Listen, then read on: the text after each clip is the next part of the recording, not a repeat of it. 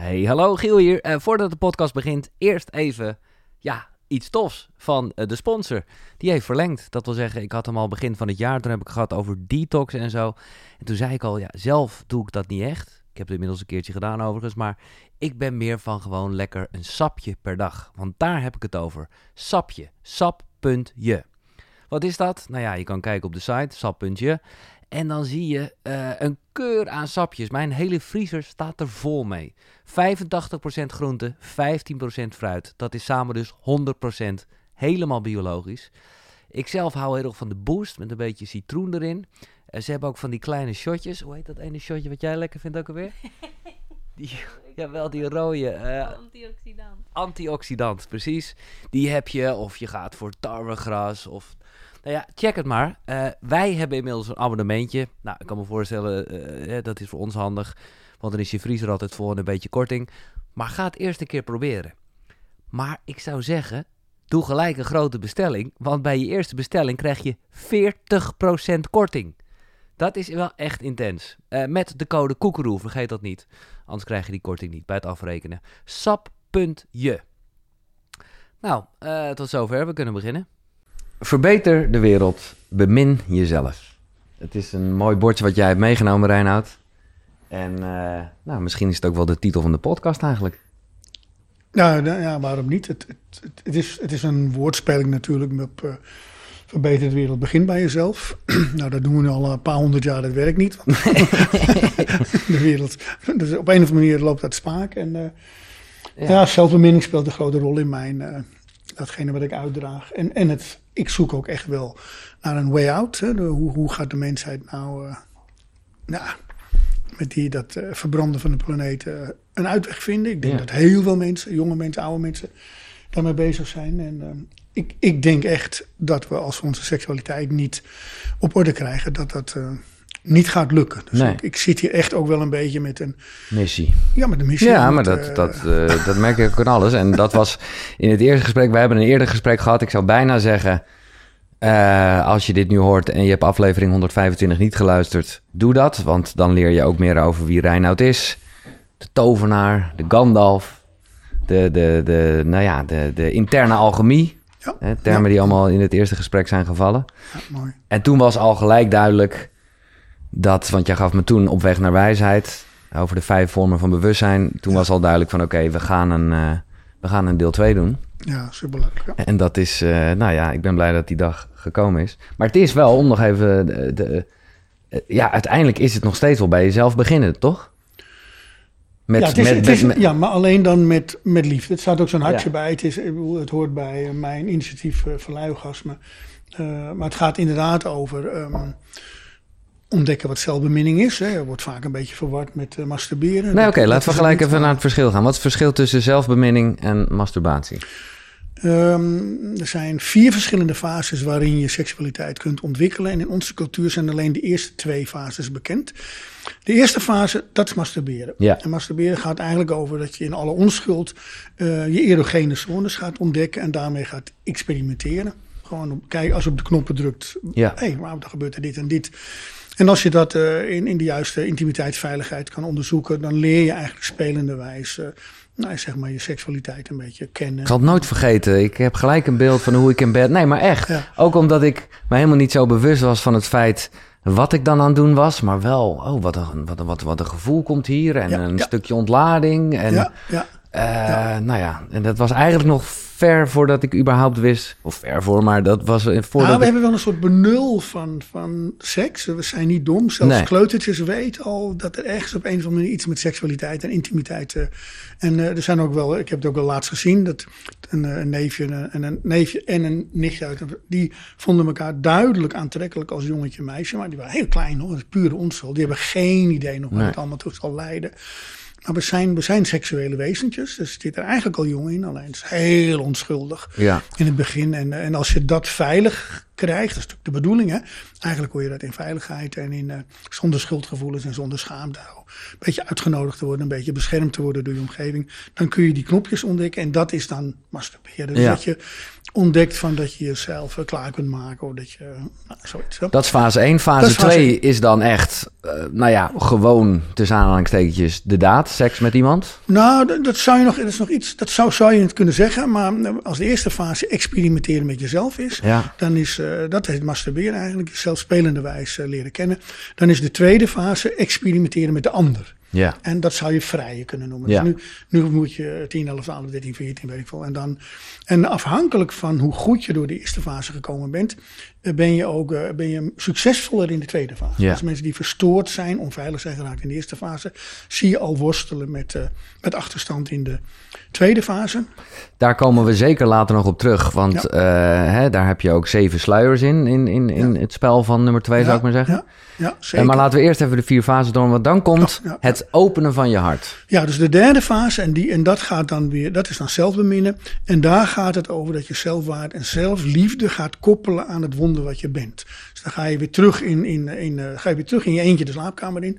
Ga je opnieuw veiligheidsintimiteit opzoeken. Nu ben je er zelf verantwoordelijk voor. Dus nu hoeven je ouders niet op te letten. Nu kun je zelf de, de sleutel even omdraaien. Ben je weer helemaal alleen.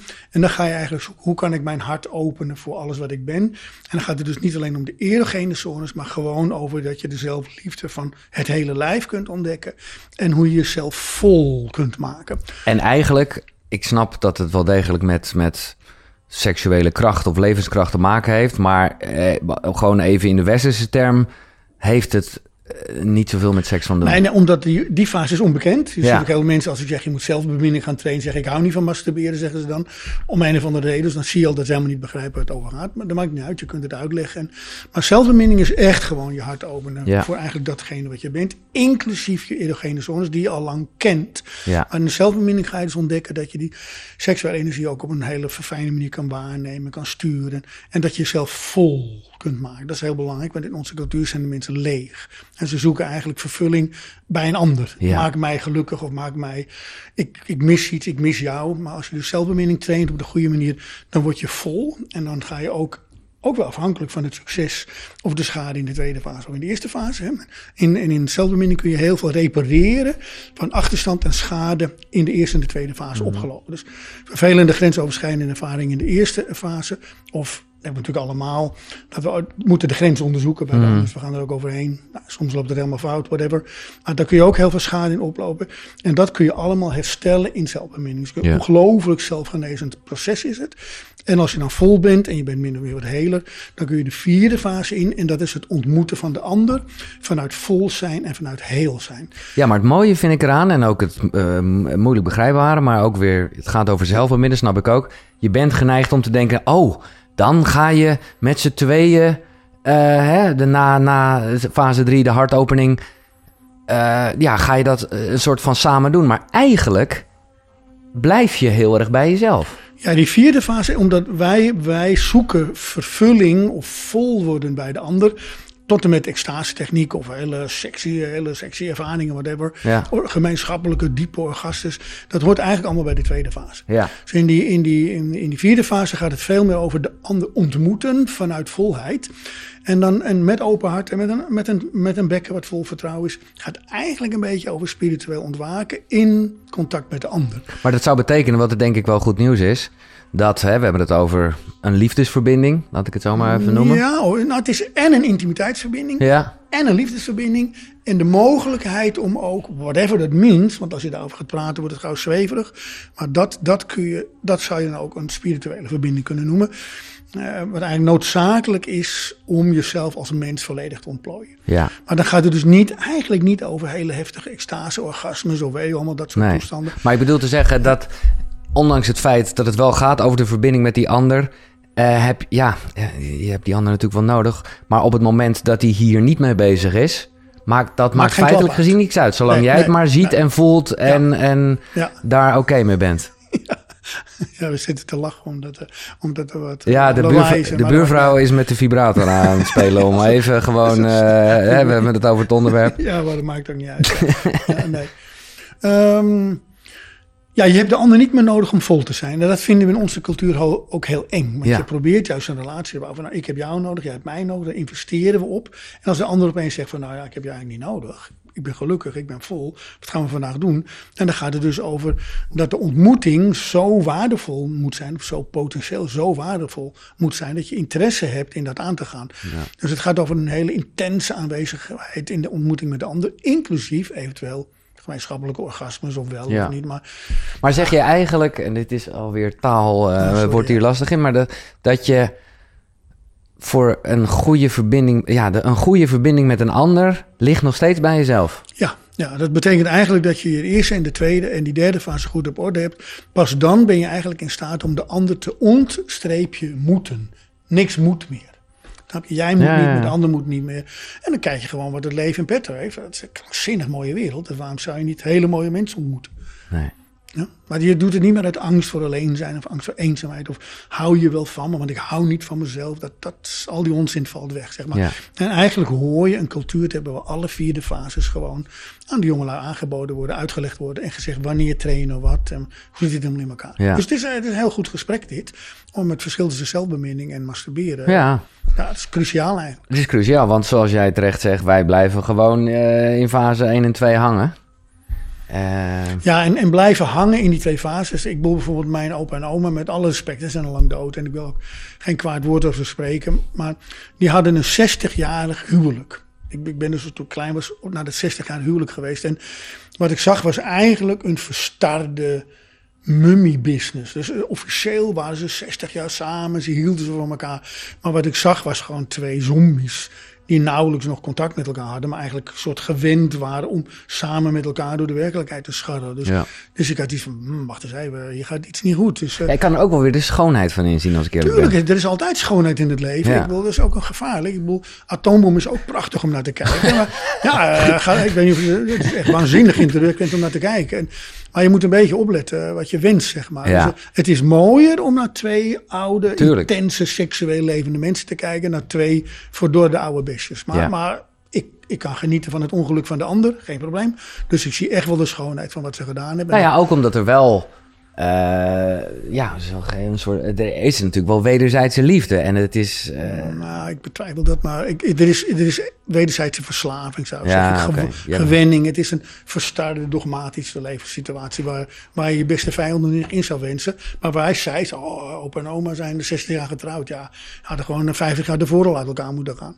Snap je? nou ja, helemaal als, niet ze, aan elkaar. als ze een fase verder waren gegaan, want eh, Ze wisten van niks. Nee. Ik bedoel, en Nee. het gevaar is een beetje dat mijn opa en oma hebben dus mijn ouders niks verteld. En eh, ja, en dat, eh, ons is ook niks verteld. En Nee. nog steeds wordt er Nog niks steeds, verteld aan de nee, jongelui. exact, exact. Dus het probleem is dat we, dat we allemaal eindigen in een soort verdo- verdorde toestand. ja. Kijk om je heen, zou ik zeggen. Ja. Het is niet omdat ik nou een wijsneus ben. Nee, maar nee, nee, nee eh, maar dat is precies waarom je hier zit. En ik vind, ja, zoals bekend, het is een, eh, ik vind het een machtig mooi eh, onderwerp. Ik werd laatst nog, en ik baalde ervan, dat ik gewoon mijn antwoord niet zo goed was. was ook omdat het interview in het Engels was. Maar die gingen heel erg, hè, dat was Baptiste, dat was een leuk gesprek. Maar die, eh, die, die ging maar zo vragen, ja, waarom vind jij seks zo'n onderwerp? En, en nou ja, ik denk dat ik de term levenskracht nog wel genoemd heb. Maar, Ja, netjes, ja. maar het, ja, het is, het is... Nou ja, ik had toch op zijn minst de Tao erbij moeten pakken. Eh, Ja, maar het, het is ook niet makkelijk. Kijk, we hebben een kleine rem op seksualiteit en daarover praten. En dan zo onverbloemd en zo krankzinnig de zaken kunnen opeens over dit onderwerp te kunnen praten Nee. met anderen. Kijk, alleen al de vraag waarom vind jij seks zo belangrijk? Dat is natuurlijk al, eh, als word je eigenlijk een beetje neergezet. Ja. Als van, nou, je hebt een probleem bij ja, ja, ja. Terwijl het is andersom natuurlijk. Waarom zouden we niet over seks praten? Nee. Ik bedoel, seks is gewoon de levensbron van alles. De hele natuur vrijt. Alles wat ontstaat op deze planeet ontstaat via seksualiteit. En dan komt hij, waarom ben jij zo geïnteresseerd in seksualiteit? Ja, dat is, een, krank- dat is gewoon een stupide vraag. Nou ja, ik snap het wel. Op het basis, op basis van mijn podcast is het, eh, is het een dankbaar onderwerp. Ook omdat ik de kracht en, hè, dat deel ik heel erg met jou, hè, de zwakte ervan inzie met, met hoe verkrekt het op dit moment is. Behoorlijk, ja. Ja. Ja. Eh, en zelfbeminning, dat eh, is nog wel nog even goed. even één ding. ja? Ja, want eh, bij seksualiteit denken we altijd een beetje richting vrije. ja, Bij seksualiteit denken we aan vrije. maar als we het nu hier over seks hebben, dat is goed ja, dat, is benoemt. ruimer, zeg maar. Ja. Dus het gaat letterlijk over de energie waarmee... In, het wordt ook in Maar hebben wij nu seks? Nou, in zekere zin wel. Ja. Dus uh, je, je, zou kunnen zeggen dat wat wij nu aan het doen is een vorm van vrij. Ja. He, dus misschien vrij met woorden en vrij in deze situatie. Maar we zijn om elkaar aan het cirkelen en we zijn om elkaar aan het bewegen. We proberen de verschillen te voelen en waar we het eens zijn te voelen. En dat proberen we spannend te maken voor de luisteraars. Dat zou je een vorm van vrij kunnen noemen. Maar alleen het is niet vrij met het bekken. Nee. Het is vrij vanuit het hart of vanuit het bewustzijn. Duidelijk, goed dat je dat benoemt. Ja. En dan wil ik nog even benoemen uh, wat duidelijk in, uh, nou ja, bijvoorbeeld de kunst van het zelfbeminnen, een van jouw boeken voorkomt, dat jij zegt, en ik denk dat we het allemaal wel voelen, en daarom vind ik het ook zo'n belangrijk onderwerp, dat zelfbeminning is de sleutel tot helen.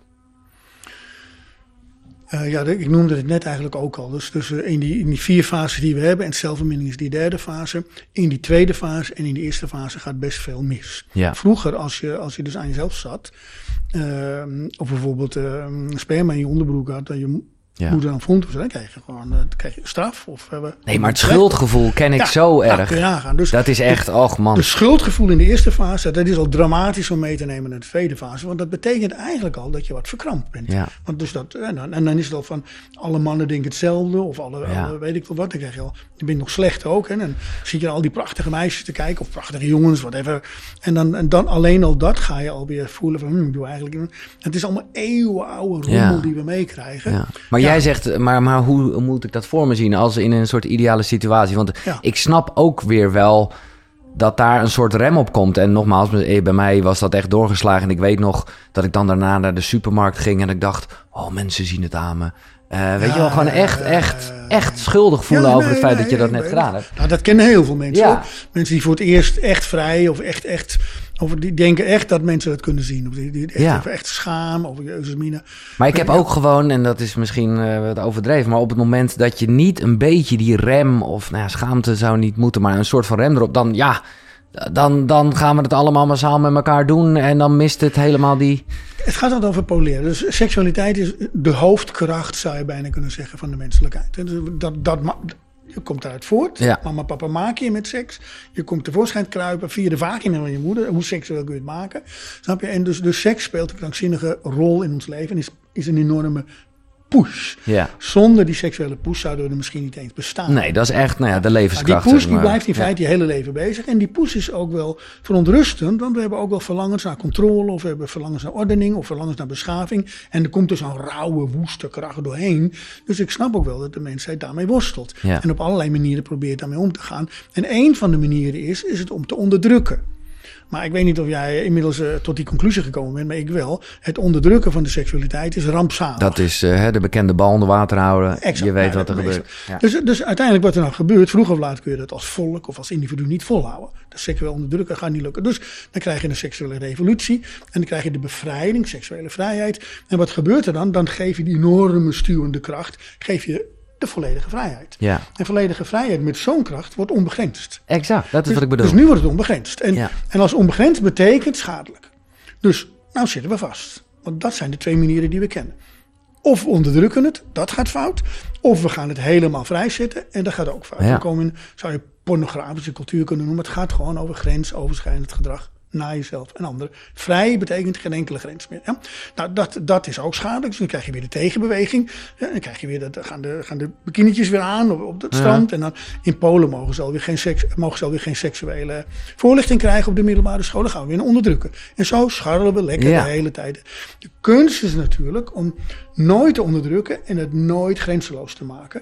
En de oplossing, en dan kom je bij eeuwenoude wijsheid uit. Dat is vrijwillige begrenzing.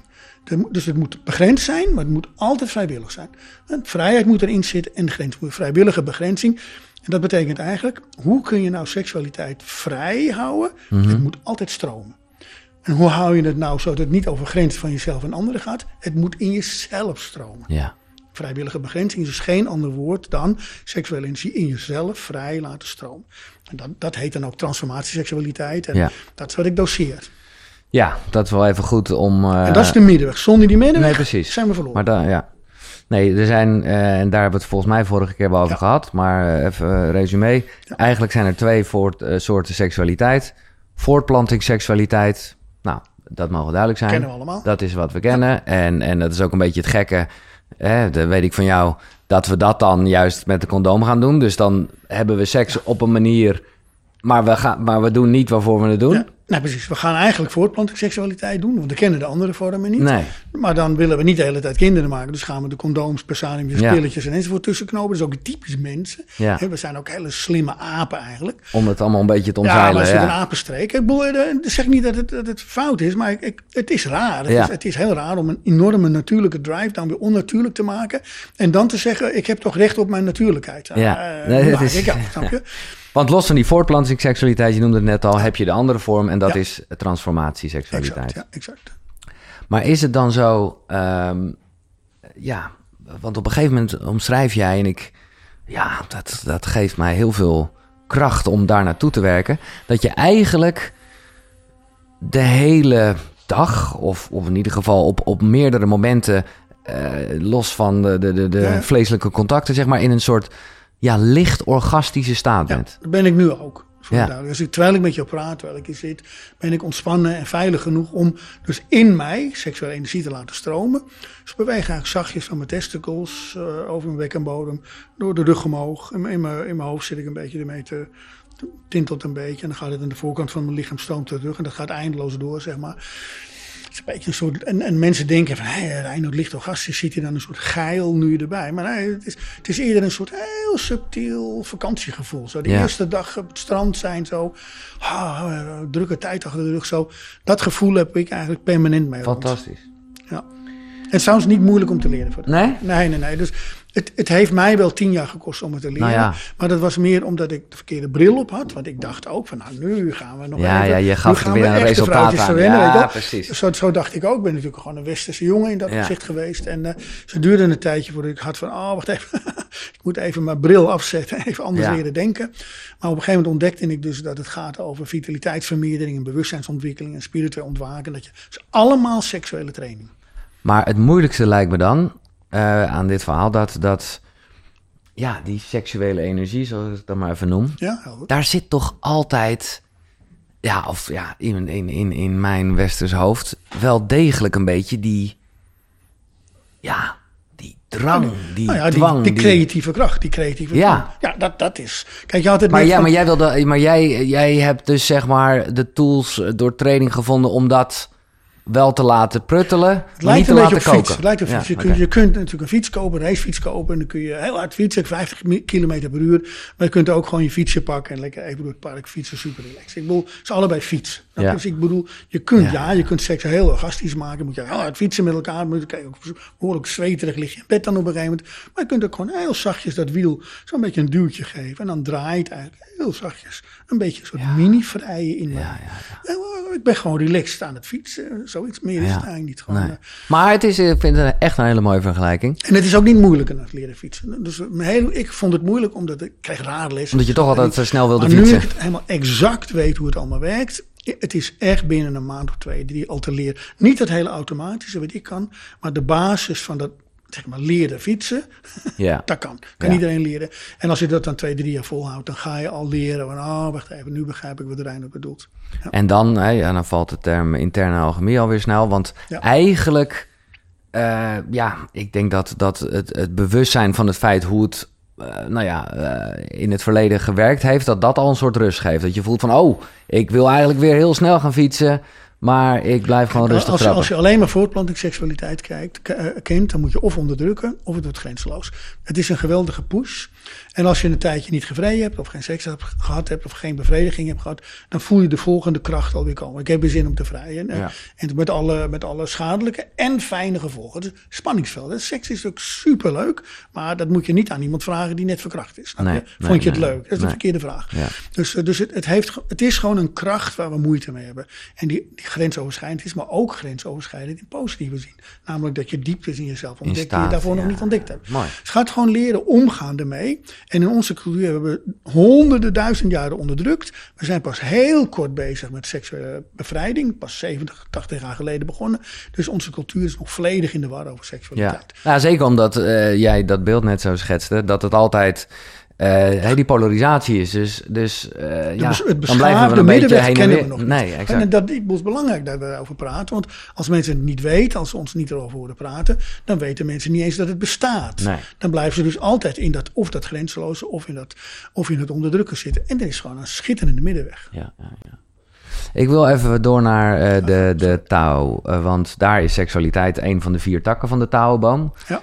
Je hebt zelfgenezing, krijgskunst. Wat is krijgskunst? Ja, dat is eigenlijk zelfverdediging. Dus kijk, Ja, ja. als je dan, dat moet je ook, dat is ook een spanningsveld met genezen. Dus eh, als een klein meisje hier binnenkomt en die heeft, eh, die heeft een blauwe oog of zo. Dan nou, oh jeetje, een blauwe oog. Kom eens even hier, kusje erop even. Nou, oké. En de volgende dag komt ze binnenlopen, de andere blauwe oog. Nou, kom eens even hier, kusje erop, pleistje erbij. En een dag later komt ze weer binnenlopen. Nou, heeft een blauwe plek daar. Dan ga je vroeger laat vragen, wat is eigenlijk aan de hand?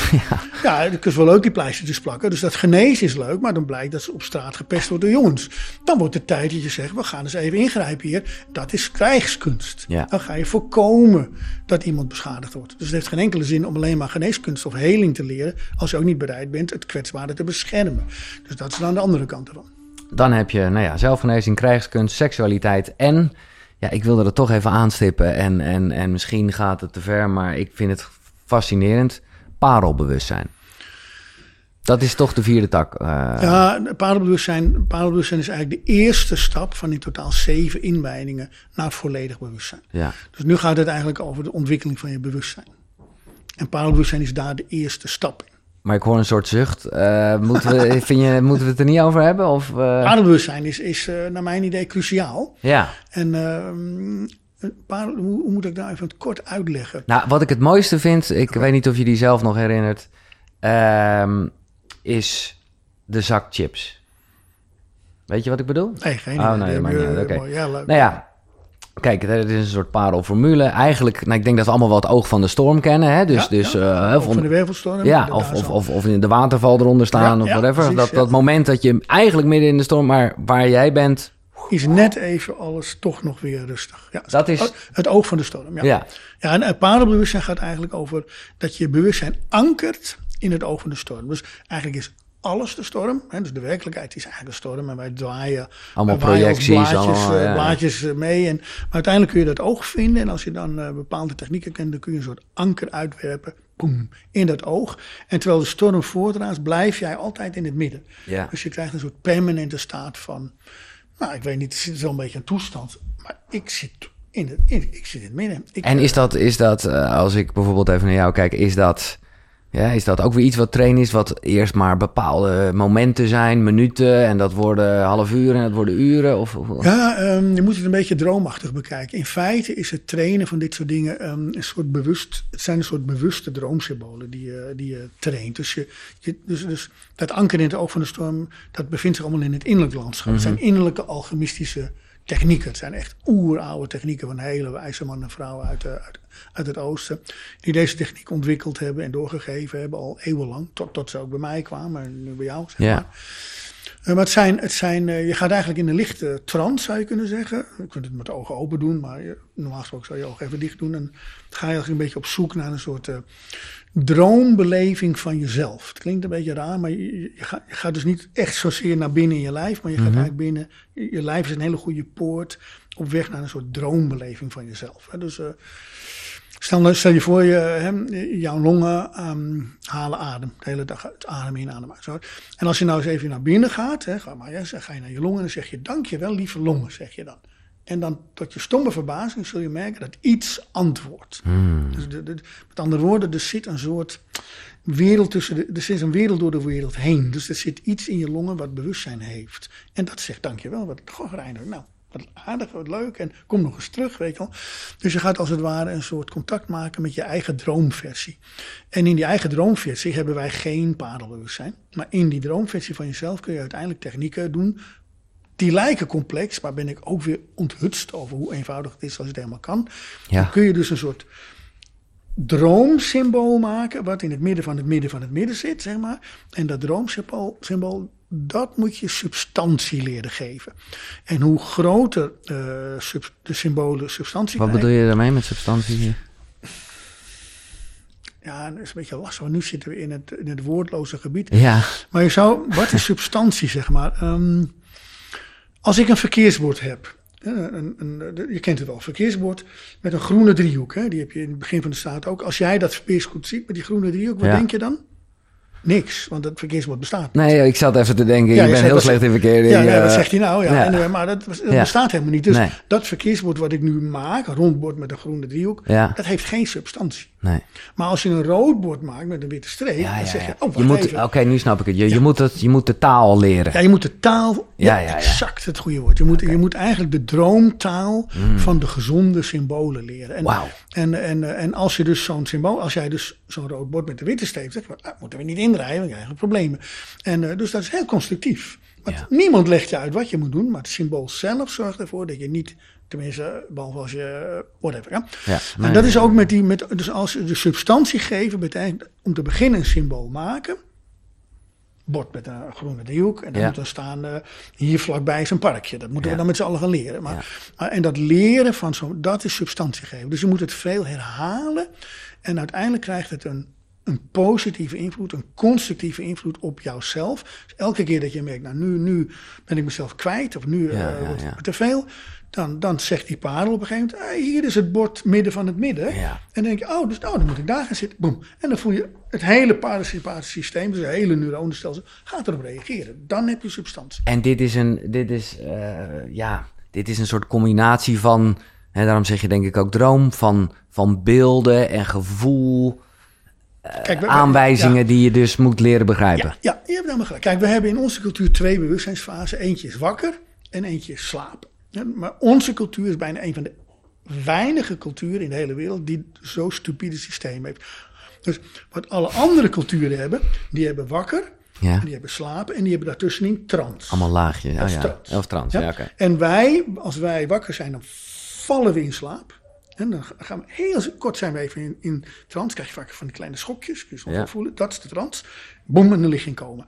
En vervolgens, dus we vallen in slaap en we schrikken wakker. Weet je wel, wekker erbij, even naar de koffiemachine. En dan, nou, eh, we, zijn, we zijn er weer. Ja.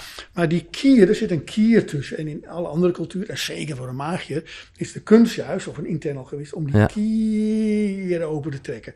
Dus je gaat niet in slaap vallen, je gaat voorzichtig in slaap, terwijl je wakker blijft. Ja, ja, Of je gaat in je droom, als je in slaap bent, dan heb je een rare droom. Zeg maar, oh, dit is een droom, dat je wel blijft dromen, maar in de droom wakker wordt. Dus Wat de wetenschap eh, een alfa-staat noemt.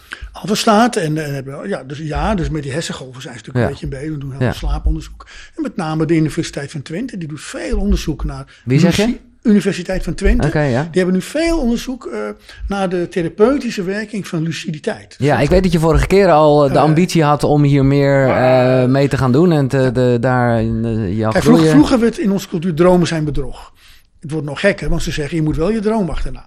Hè, du- dus oké, eh, lekker dan. De opa, zegt jongen, dromen zijn bedrog, poot in de klei. Oma zegt volg wil je dromen. Lekker dan, dat waren opa en oma. Ja, oké, eh, laat maar, weet je wel. Mooi. Nee, maar ehm, gelukkig begint de wetenschap nu te ontdekken eh, dat dromen dus een heel, onder, heel belangrijk onderdeel is van de menselijkheid. En ze beginnen nu ook te merken dat je allerlei verschillende droomstaten hebt. En er zijn bijvoorbeeld mensen die denken dat ze slecht slapen. Die blijken als ze naar zo'n slaaplaboratorium te gaan, slapen ze heel goed, alleen ze dromen dat ze slecht slapen. Dat kunnen ze gewoon aantonen nu Ja, met ja. zegt met die hersengolven. Ja. Heeft u vannacht goed geslapen? Nee. Zo voelt het niet, maar... Nee, hele nacht wakker gelegen. Nou, kijk eens even naar de gegevens. Hele nacht goed geslapen. Interessant, hè? We, Ja, we dwalen af. Nee, maar eh, super interessant. En daar, nee, want daar zit ook, dat is zo'n grijs gebied, of grijs, ik weet niet, maar in ieder geval. Nou, Zoals, nog veel te leren, ja. Ja, daar, precies. Kijk, in, in zekere zin zijn er, eh, als je de trans opentrekt, dan zijn er uiteindelijk zeven droomfases. En in onze cultuur zijn ze nu de tweede fase een beetje aan het ontdekken. Dus de Universiteit van Twente denkt nu dat... En die tweede is dat wat wij lucide dromen noemen, dat je het een beetje stuurt? Nou, lucide, eh, de eerste fase is lucide worden. Dat je überhaupt, dat je droomt. Heel, heel veel kinderen hebben dit. Ik weet niet of jij het gehad hebt, maar dat je wakker werd in een droom. En dat je wel of niet ging vliegen of wel of Ja, niet. Het is geen leuke droom, ik verander de droom. Dat is, allemaal, dat is allemaal die staat dat je een beetje wakker wordt in de droom. Dat is het begin, de eerste fase. De tweede fase is dat je echt lucide wordt. En dat je zegt, oh, eh, ik ben nu dit aan het dromen. Nou, je blijft dromen, maar je verandert de droom. Ja. En dus je stuurt zelf. En dat is, dat is eigenlijk de tweede fase. En wat is, eh, ik hoef niet alles even, maar wat is de fase 3 dan? Nou, fase 3, dat, dat Oké, nou maakt niet uit. De fase 3 is eigenlijk, dan ga je, in de, in de, ga je langzaam zeker de koppeling maken met de gemanifesteerde wereld. Dus de, de eerste stap is van die fase, van de derde fase, is dat je, je, wordt, je droomt. Je, je slaapt, je Ja. droomt, je wordt wakker in de droom. Oké, nou verander je de droom op zo'n manier dat je, je blijft slapen en dromen, Ja. maar je staat op, je loopt bijvoorbeeld naar het balkonnetje of je loopt naar de tuin en daar zoek je een blaadje of een steentje of zoiets. Weet je? En dan ga je weer terug, dan ga je weer liggen in je eigen droom, in je eigen lijf, ga je weer verder en dan ga je ook gewoon verder dromen.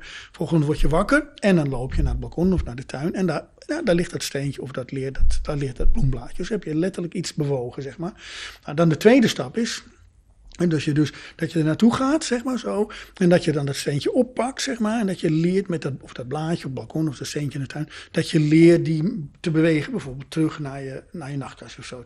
Dat is de tweede fase. En de derde fase is dat dat daadwerkelijk gebeurt. Dus je gaat met je droomlichaam de tuin in.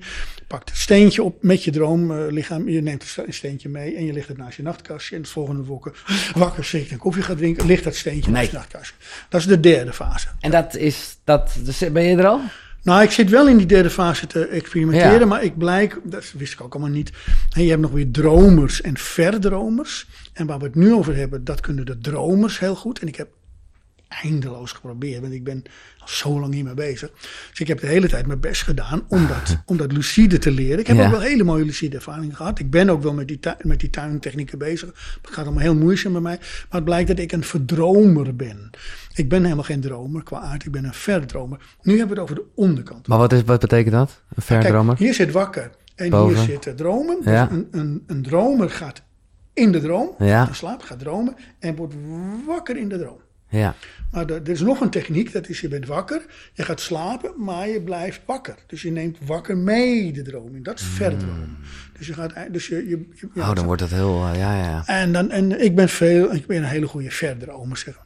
Ik hoor alweer dat we, dat we met liefde nog ooit een keer een eh, gesprek gaan hebben. En dan gaan we hier hem op focussen. Laat ik jou ook daar nog een beetje... Maar want even, ik, ik ben gewoon natuurlijk nieuwsgierig. Nogmaals, ik hoef niet alle stappen. Maar wat is stap 7 dan? Wat, wat is... eh, Maar stap 7 is eigenlijk dat het wakker en dat het slapen verdwijnt. Dus Ja. dan, dan ben je eigenlijk permanent in een wakkere droom. één. Ja, Dan heb je het even over, weer over hele, hele hoge vormen van, eh, van eh, bewustzijn en magie. En Ja. dat is echt wel, ja.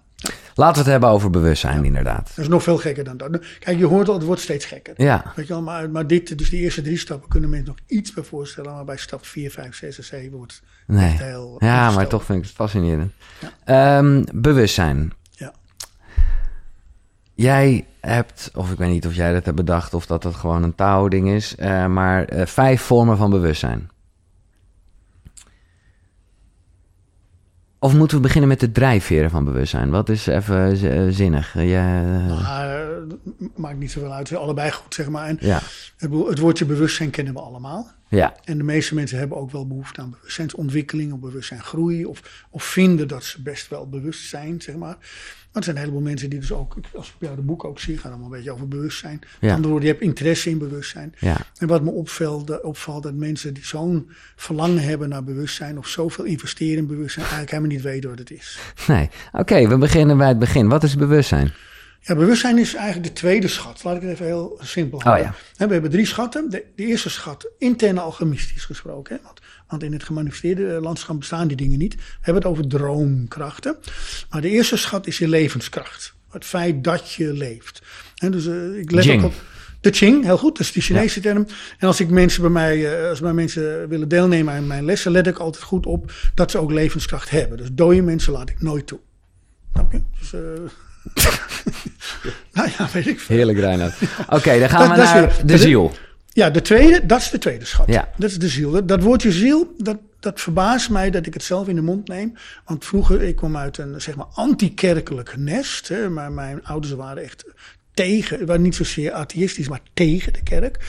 En eh, dus het woordje ziel, dat hoorde echt wel bij de kerk. Dus het woordje ziel was bij mij no-go. Die bestond niet. Nee, maar eigenlijk betekent ziel, als je het vertaalt, betekent psyche. En psyche betekent chi en chi betekent bewustzijn.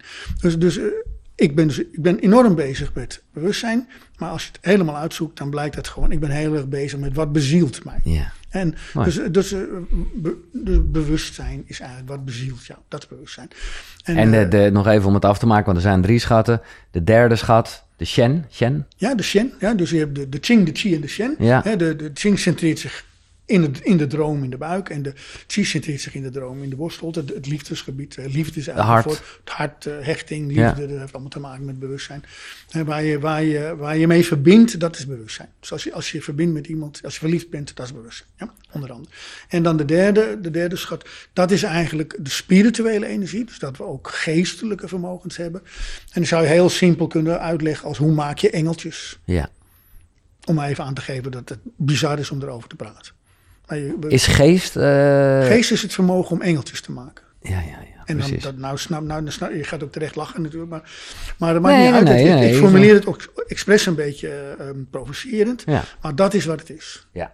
En eh, ja. En daar, en jij richt dan meer op je hoofd, maar eigenlijk meer pijnappelklier. nou ja, alles daarboven. ja, dus het heeft ook allemaal hormonale verbindingen. ja. en zo, maar het centreert zich in de droom in je schedelhoofd. Oké, maar bewustzijn, zo kwamen we erop. sorry, dat is wereldschat 2, chi, Ja, zie- ziel. Ziel, ziel, ja precies. Wat bezielt jou. Zonder ziel, dan wordt het moeilijk. Ja. Ja. En nou zijn er eh, vijf vormen van bewustzijn, eh, die er eigenlijk altijd een beetje spelen. En de vraag is hoe je de verhoudingen maakt. Ja, kijk, dit is wel. Kijk, we hebben natuurlijk ook wat in dit boekje staat. hè, En eh, je, vraagt, je wilt natuurlijk heel graag over praten, maar het is best wel. Is- je vraagt nu echt wel naar fundamentele dingen. En, en kun je daar zomaar doorheen hannissen? Nee, ik weet het ik weet niet. het, Maar, maar ja. maar basically zijn er, zou je kunnen zeggen, dat, dat noemde je net al de vijf drijfveren. Er zijn vijf menselijke drijfveren. Ja. Die moet je eigenlijk even snappen. Hè, dus wij, om te beginnen, wij zijn natuur. Hè. De natuur maakt ons, dus wij zijn natuur. En alles in de natuur eh, heeft een soort ritme. Mhm. Zon komt op, zon gaat naar beneden. Dag en nacht wel. Maar je hebt ook de seizoenen. En de seizoenen, als je daar naar kijkt, hè, die worden vaak gebruikt, ook in het Taoïsme. Maar daar wordt het ook wel een natuurreligie genoemd soms. Dus ze kijken gewoon heel goed, hoe doet de natuur het? Nou, zo, heel winter, lente, zomer, nazomer, herfst. Nou, nog een keertje, jongen, jongen. Dus, dus zo doet De de, natuur het. ja. Nou, dus zeggen zij, ze hadden geen, geen smartphones, ze hadden geen televisie. Ze konden niet naar Max Verstappen kijken in het weekend. dus ze konden maar één ding doen. Weet je, nou, die natuur staren en een beetje dromen. Dat was, nou, daar werden ze ook heel goed in. Ja. En dus ze hadden in de gaten, ah, ehm, de natuur maakt ons. De natuur beweegt in die vijf cycli. Ik ben natuur, dus die vijf cycli moeten ook in mij zitten. Ja. Want ik ben, dus zo simpel Ja. is het. Maar ik zie nog even, want nu leg je een vergelijking met de seizoenen, maar er zijn er toch maar vier. Ja, de, in, in onze cultuur zijn er vier, Oh, oké. bij, maar in de meeste culturen zijn er vijf. Dus de nazomer wordt Ja, vaker, de Indian summer wordt Ja, vaker. Maar anyway, waar het net even zo in een soort evenwichtfase terechtkomt. En, nou, anyway, de, de, de- daar hebben ze dan uit geëxtrapoleerd van, oké, wat zijn dan die krachten in ons? En dan heb je de eerste menselijke drijfveer, dus het zoeken naar een veilig plekje. Ja. En eh, dat wordt aan de winter gekoppeld. Van, en jezelf, het is koud buiten. Ja. Ga lekker in een holletje liggen. En dan de tweede menselijke drijfveer. Als je eenmaal veilig bent en de winter hebt overleefd, spelenderwijs tevoorschijn komen. Dus dat zijn de jonge diertjes en de plantjes, gewoon talenten. Dus de- we willen gewoon spelen. Dus eerst veilig zijn, dan spelen. Nou, dan krijg je de vijfde menselijke drijfveer. En je hebt spelenderwijs leren omgaan met de werkelijkheid. Nu wil je ontdekken waar je passie zit. Oké, Reinhard, dit gaat even te snel. Dit gaat, ik, ik, ik- dit is echt ja, allemaal basic. ja, hallo, eh, maar ik wil dit goed, eh, want... Ik Ach, je hebt gelijk. Ik ben een, nee, maar eh, ga door. eh, maar ik, ik, ik ben een beetje van slag omdat ik, wat jij nu ineens de seizoenen erbij haalt. en ik, voor mijn idee, was het juist veel meer de elementen. Nou ja, kijk, die, die seizoenen, die, die kun je dan weer koppelen aan menselijke drijfveer, eh, het zoeken van een veilig plekje. Dat is dan weer de Maar water. vond die elementen zo lekker, want dat kennen mensen. Ik heb eh, een keertje een eh, aflevering ook over Qigong gemaakt. Ja, en en ja, over, nou ja, dat is dan meer... Maar die, die, vijf, die vijf vormen, hè, dus die je koppelt aan de seizoenen, die kun je ook weer doorkoppelen aan de elementen. Dus Oké, dus, wa dus water dan. Wa- water is winter. Water is winter. Ja, Oké, top. ja. En lente, zou je ook wel kunnen ra- raden, is hout. Ja, en zomer, nee, maar ja. zomer is vuur. Ja, oké. En, en vuur, en, en vuur, moet, het maakt, vuur maakt natuurlijk as, dus as is aarde. Ja, En, en, en, en aarde, dat wordt weer meegenomen door de corrosie in de herfst.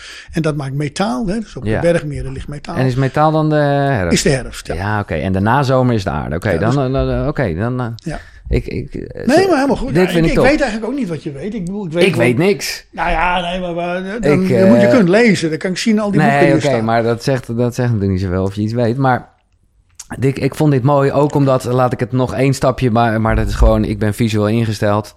Dan ga ik ook nog de kleuren eraan toevoegen, namelijk Ja, ja. water, Is blauw. winter, blauw, hout, lente, groen, vuur, zomer, rood, aarde, nazomer, goud, geel, metaal, herfst, zilverwit. Fantastisch. Impressed. Lekker. Ja, impressed. Nou, ik heb het hier eh, opgeschreven, omdat ik dit gewoon... eh, eh, en, en dat zijn de drijfveren van bewustzijn. Ja, dus, dus, dus alles in de natuur, wij zijn natuur, wij Ja. ontwikkelen bewustzijn. Ja, Waar komt dat fucking bewustzijn vandaan? Uit een soort proces wat natuurlijk is. En dus, dus ga je kijken naar hoe draaien die seizoenen. En als je dus die seizoenen in jezelf op een goede manier laat draaien, dan word je net als een boom dikker. Ja. En wat gaat er groeien? Je bewustzijn. ja. Dus die, dus die vijf drijfveren, die vijf elementen, die vijf kleuren, die vijf posities. Ja, die, die zijn cruciaal om te snappen hoe bewustzijn werkt. Maar even gewoon terug naar een soort planeet aarde. Het is, het is dus niet zo dat je alleen maar in een van die eh, drijfveren zit. Want op het moment, dat, hè, d- d- Ja. dat is, het is één groot... al- al- Nou, Of wel? Ja, nee, nee. Dus deze dus bewustzijn, een babytje heeft ook bewustzijn. Dus Ja. Bij baby zit- zitten deze eh, de kracht al in. Maar als je naar de levensfase van een baby kijkt, is het vinden van een veilig plekje belangrijk. Ja, precies. En als je dan naar dus een bepaalde kleur voelt wel de boventoon. Ja, dus, dus en- een baby zit veel in blauw. En, en, en iemand die in zijn puberteit of adolescent zit, zit veel in Groen. En iemand die gewoon eh 40 is en alles weet en de professor Hubblepup wordt of weet ik wel. Ja, die zit in rood. Ja. als het een beetje genoeg is en je wordt een jaar of 60, dan kom je meer in geel. En dan heb je een oude dag, zit je wat meer in metaal. En dat is eigenlijk Ja, ja, de-. De, menselijke drijfveer van het zoeken naar schoonheid. Dat is voor oudere mensen heel belangrijk. En wat is nou de zin geweest van dat hele, dat hele stomme rondje in je leven? Ja. Wat, zijn de, wat, is, wat blijft er over? Wat is de schoonheid? Wat is de essentie van wat ik gedaan heb? Hè? Ja. Dus, eh, maar wat niet wegneemt, maar we Nee, voelen maar dat kun je ook op een dag doen. Je kunt Ja. ook, zo- s ochtends zit je veel in water. Nee, en- dat is ook- En- helder. je? Dus het, het beweegt alles in ons. Ja. Continu op microniveau en op macroniveau. En dan gaan we het even in eh, mensentaal eh, verplaatsen. Dan kom je op de vijf vormen van bewustzijn. Ja. Die dus, nou ja, hè, waar je, Afhankelijk zijn van de samenhang tussen deze vijf drijfveren. Precies. Ja, het zijn ook twee keer vijf, dat is lastig. Dat is, Ik, ik, heel veel mensen zeggen, wat bedoel je nou? Bedoel je nou de vijf drijfveren of bedoel je nou de vijf vormen van bewustzijn? Maar er is maar één bewustzijn wat bestaat uit verschillende vormen. Ja. En die zijn afhankelijk van hoe die vijf al dan niet met elkaar samenwerken. Ja. Als die erg conflictueus zijn, dan krijg je een uit elkaar vallend bewustzijn. En als ze extreem harmonieus zijn, dan krijg je zeg maar een groeiend bewustzijn. ik blijf erbij zeggen, maar dat is ongeveer wat vaak in deze podcast is. We proberen hier iets woorden te geven. Kijk, we praten over interne alchemie. We, Ja. we praten eigenlijk over de kracht van droomsymbolen die je dagelijks leven kunnen beïnvloeden. Ja. Dus eh, ten goede, in feite dromen we de hele dag door dingen. En een heleboel mensen dromen steeds dezelfde chaos. Dus creëer ook steeds dezelfde chaos. En wat een magier eigenlijk doet, hij gaat, hij gaat zijn droomsymbolen op orde brengen. Gaat ze constructiever maken. En dan blijkt dat andere dingen gaan manifesteren die voor mij goed zijn, voor mijn intieme goed zijn, voor het grotere geheel goed zijn. Het gaat gewoon over je menselijkheid slijpen. Nice. Maximale eruit halen. Maar jij hebt eigenlijk al met de chaos de eerste een beetje, eh, hè, de eerste vorm van bewustzijn al eh, benoemd. Eh, maar om het nog wel wat stevig aan te zetten, psychose. Ja, Het is een, het, het voelt altijd heel manisch en groot en gek. Maar ik vrees toch, mezelf included, dat een hoop gedeelte van ons handelen door deze staat van bewustzijn komt.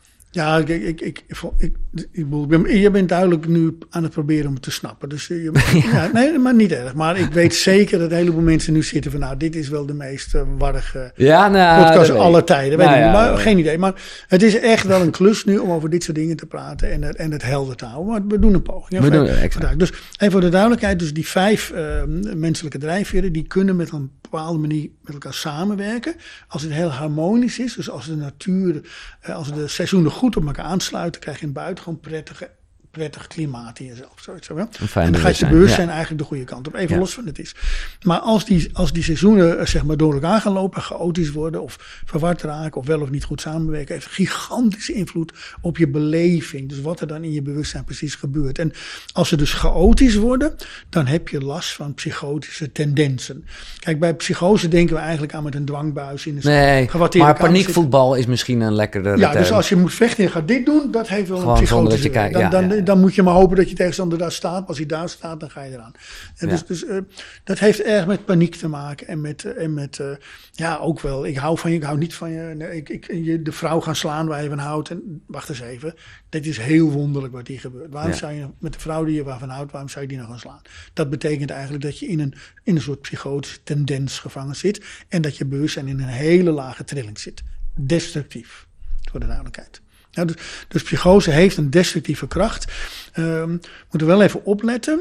En psychose, kijk, we zijn heel oud hè, als, men, als dier. We zijn doorgeëvalueerd. We zijn Ja? 5 miljard Zijn we jaar zo oud, zeg maar. Oh. En, de, en de natuur is genadeloos op het uitzuiveren en het wegcijferen. Alles wat werkt houden we erin, alles wat niet werkt. De evolutie, eh, ja, ja, ja. Evolutie en, eh, en weet je, dus steeds verbeterd. Dus dan hebben we dus 5 miljard, 5 miljard jaar zijn we op deze planeet. Ja, we zijn een beetje als, als eiwitketentjes begonnen, maar nu, kunnen we naar de bioscoop, weet je wel.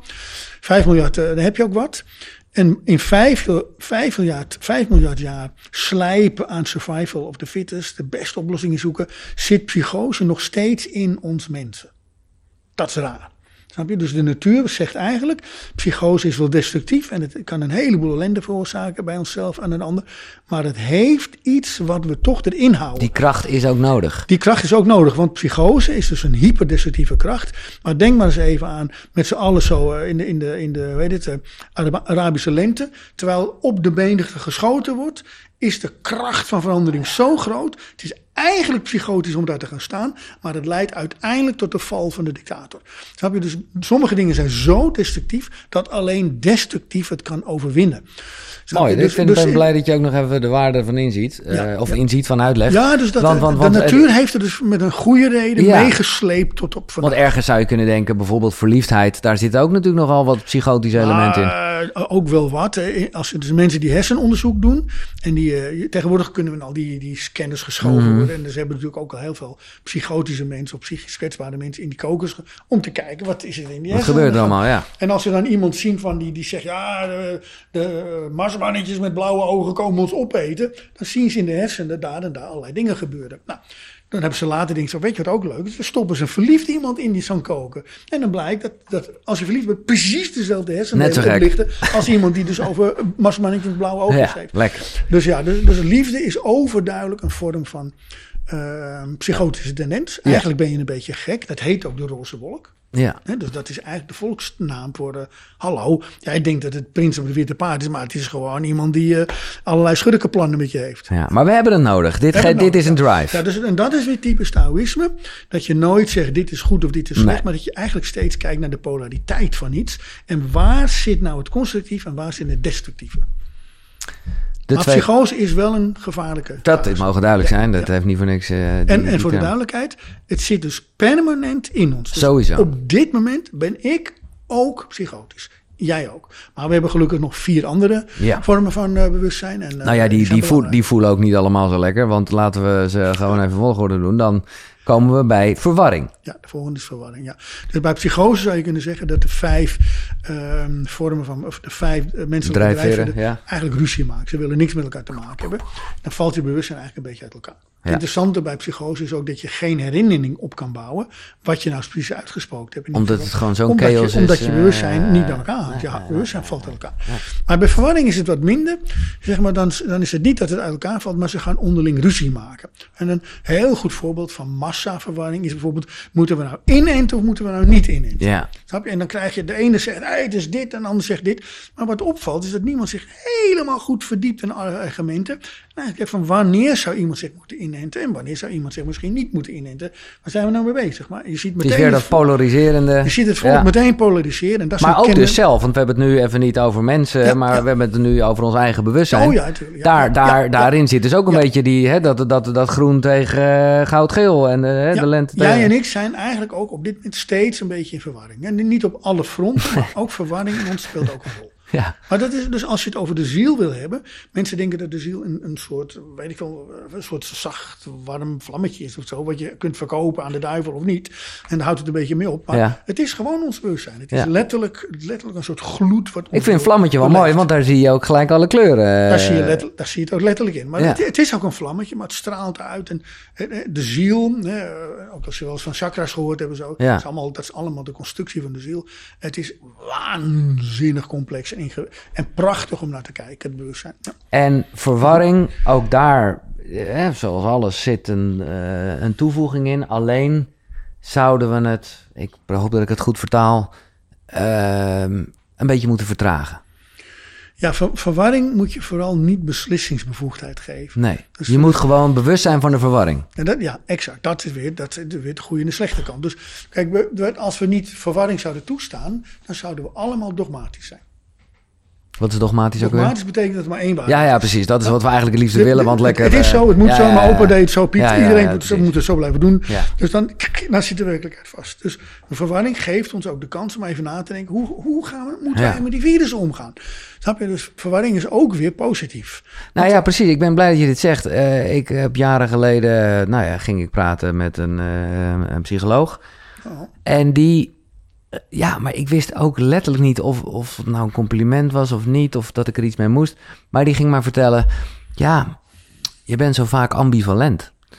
Eh, en ik kende dat woord toen ook niet. En ik dacht, ja, maar dat het. En, maar ik dacht, ja, maar dat is toch ook zo? Ja, er is toch zo. voor alle twee soms wat te zeggen, wat ook heel verwarrend is. Ja, dat is verwarrend, maar dat moet je leren verdragen. Ja, ja. Het gaat niet zozeer om vertragen, maar besef nou dat verwarring erbij hoort. En ga nou niet meteen op zoek of dit of dat. Nee. Maar leer nou even de onrust Ja, ja. van het verward zijn verdragen. En dan ga je langzaam maar zeker ontdekken, ah wacht even, die kant moeten we op. Ja. Dus neem nou even de tijd. Ja. Nou ja, eh, tijd nemen is moeilijk. Als, als, en als er ook nog psychose onder zit. Nou ja, spelen allemaal. Het, het, zijn, het zijn een beetje de. Het is een beetje de kelder van ons bewustzijn. Ja. Dus de psychose en eh, psychotische tendensen en verwarring en het leren verdragen van verwarring. Dat is, eh, hoort erbij. Nou, ik wil net zeggen, Maar bedoel, laten we nou juist geen waarde eraan geven, maar Nee. het is wel een beetje het donkere gedeelte. Ja. Eh, dus ik snap je mooie keldervergelijking, maar het is tegelijkertijd ook de basis van het vuur, zou je kunnen zeggen. Ja, en, en het geeft ons ook de kracht om ons los te maken uit eh, hele gevaarlijke situaties. Ja, Weet je wel, dus, eh, dus ik bedoel, zeg maar, er komt eh, een bosbrand aan. Een dier moet dan psychotisch worden om de kracht te vinden om aan het vuur te ontsnappen. Precies. Je moet, je moet dus niet voorzichtig door het Nee. bos lopen dan. Nee. Ja, je moet gewoon blind door, door, door Ja. het bos gaan rennen. Ja. Dat, is, dat is een psychotische beleving. Als hij het niet doet, gaat hij eraan. en dan is van verwarring eh, geen sprake, want nee, dan als is je het dan gaat gewoon... zitten, ja, hoe vuur zal het blijven of niet? Weet ja, maar dat vuur misschien doodt het wel, misschien komt het regen, misschien kan het beter weg. Ja, dan ga je eraan. Ja, dus, eh, helder. het, het- alles kun je terugvinden in de natuur. Ja. We gaan naar eh, de derde vorm van bewustzijn. En die kennen wij allemaal heel erg, denk ik. Tenminste, zo voel ik dat. Specialisatie. Ja, specialisatie. Je zou ergens kunnen zeggen: dit is eh, wat wij nu in ieder geval in deze eeuw waarin we leven helemaal uit aan het spelen zijn.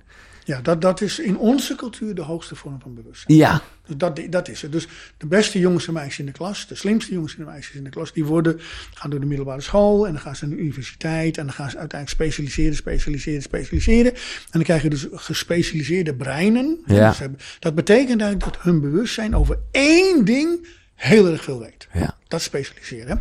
En eh, het nadeel van specialiseren is eh, dat je de communicatie met andere specialisten wordt onmogelijk. Want je weet van één ding heel veel. En de ander weet. Maar, jij weet heel veel van muziek. Ik, we- ik weet ook wel wat van muziek, maar eh, ik kan, dat, dat wordt moeilijk voor jou om met mij te communiceren. Terwijl ik weet waanzinnig veel over de menselijkheid. Je doet je best, maar het zweet staat op je voorhoofd om mij te volgen, snap je? Ja, ja, ja. Dus we, we proberen wel een brug te slaan. Eh, maar het is een klus. En er zijn heel veel specialisten die niet in staat zijn met andere specialisten te praten. Maar dat zijn wel de beslissingsnemers. Ja. Economische specialisten, bankaire specialisten, Hey, ik politieke specialisten. specialisatie. Even gewoon als we het nu hebben over mensen onderling, daar gaat de wereld aan kapot. Het is Eh, op zich een neutrale kracht. Iedereen moet zich specialiseren, omdat het ook hoort bij de drijfveer passie. Hè, dat- dat- dus Ja. we, we, willen, we willen ons met iets verbinden waar we zeggen, hier leef ik voor. ik, moet even, ik moet echt even, ik moest de hele tijd al. eh, ik moet even naar het toilet.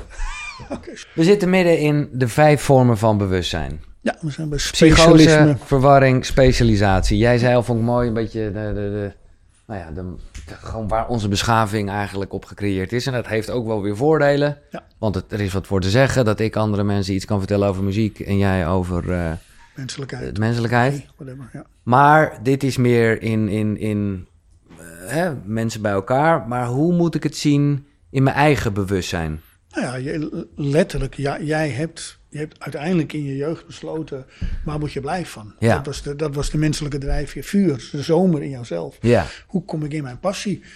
Nou ja, en je vader heeft tegen misschien, misschien tegen jou gezegd, nou, eh, volgens mij moet je loodgieter worden. Doe dat normaal, dan heb je de rest van je leven inkomen. En jij eh, dacht het niet. Nee. Snap je? Dus dat, dat heeft ertoe Oké, geleid. dat maar, ik, eh, maar, maar de beperking, ook bij mijzelf, zit er dus in dat ik daardoor van andere, ja, op andere vlakken, op andere gebieden, ja, ik heb, ik heb door de specialisatie ja, soort die oogklep op. Ja, of een soort, soort heel hoog niveau in één ding. Kijk, ik, bedoel, Ja. je hebt, ik kijk om me heen, ik zie al die cd's staan. Dus het is overduidelijk dat je één groot vuurvak met muziek staan hier. Maar ik zie ook heel veel boeken. Dus Ja. je zou een tweede specialisatie wel kunnen zeggen. Je bent ook een beetje met bewustzijn bezig. Daarom zit ik hier. Mhm. Want anders zou je niet met me praten, snap je? Dus, eh, zijn alle, maar dan stopt het een beetje. Ja. Als je zegt, weet je ook veel van eh, kwantummechanica. nou, misschien wel een keer in de Libel iets over gelezen. Maar Ja. dan. Nee, maar ik, daarom zeg ik oogkleppen, want het, het gevaar Ja. zit hem dus in dat als ik met mijn eigen bewustzijn,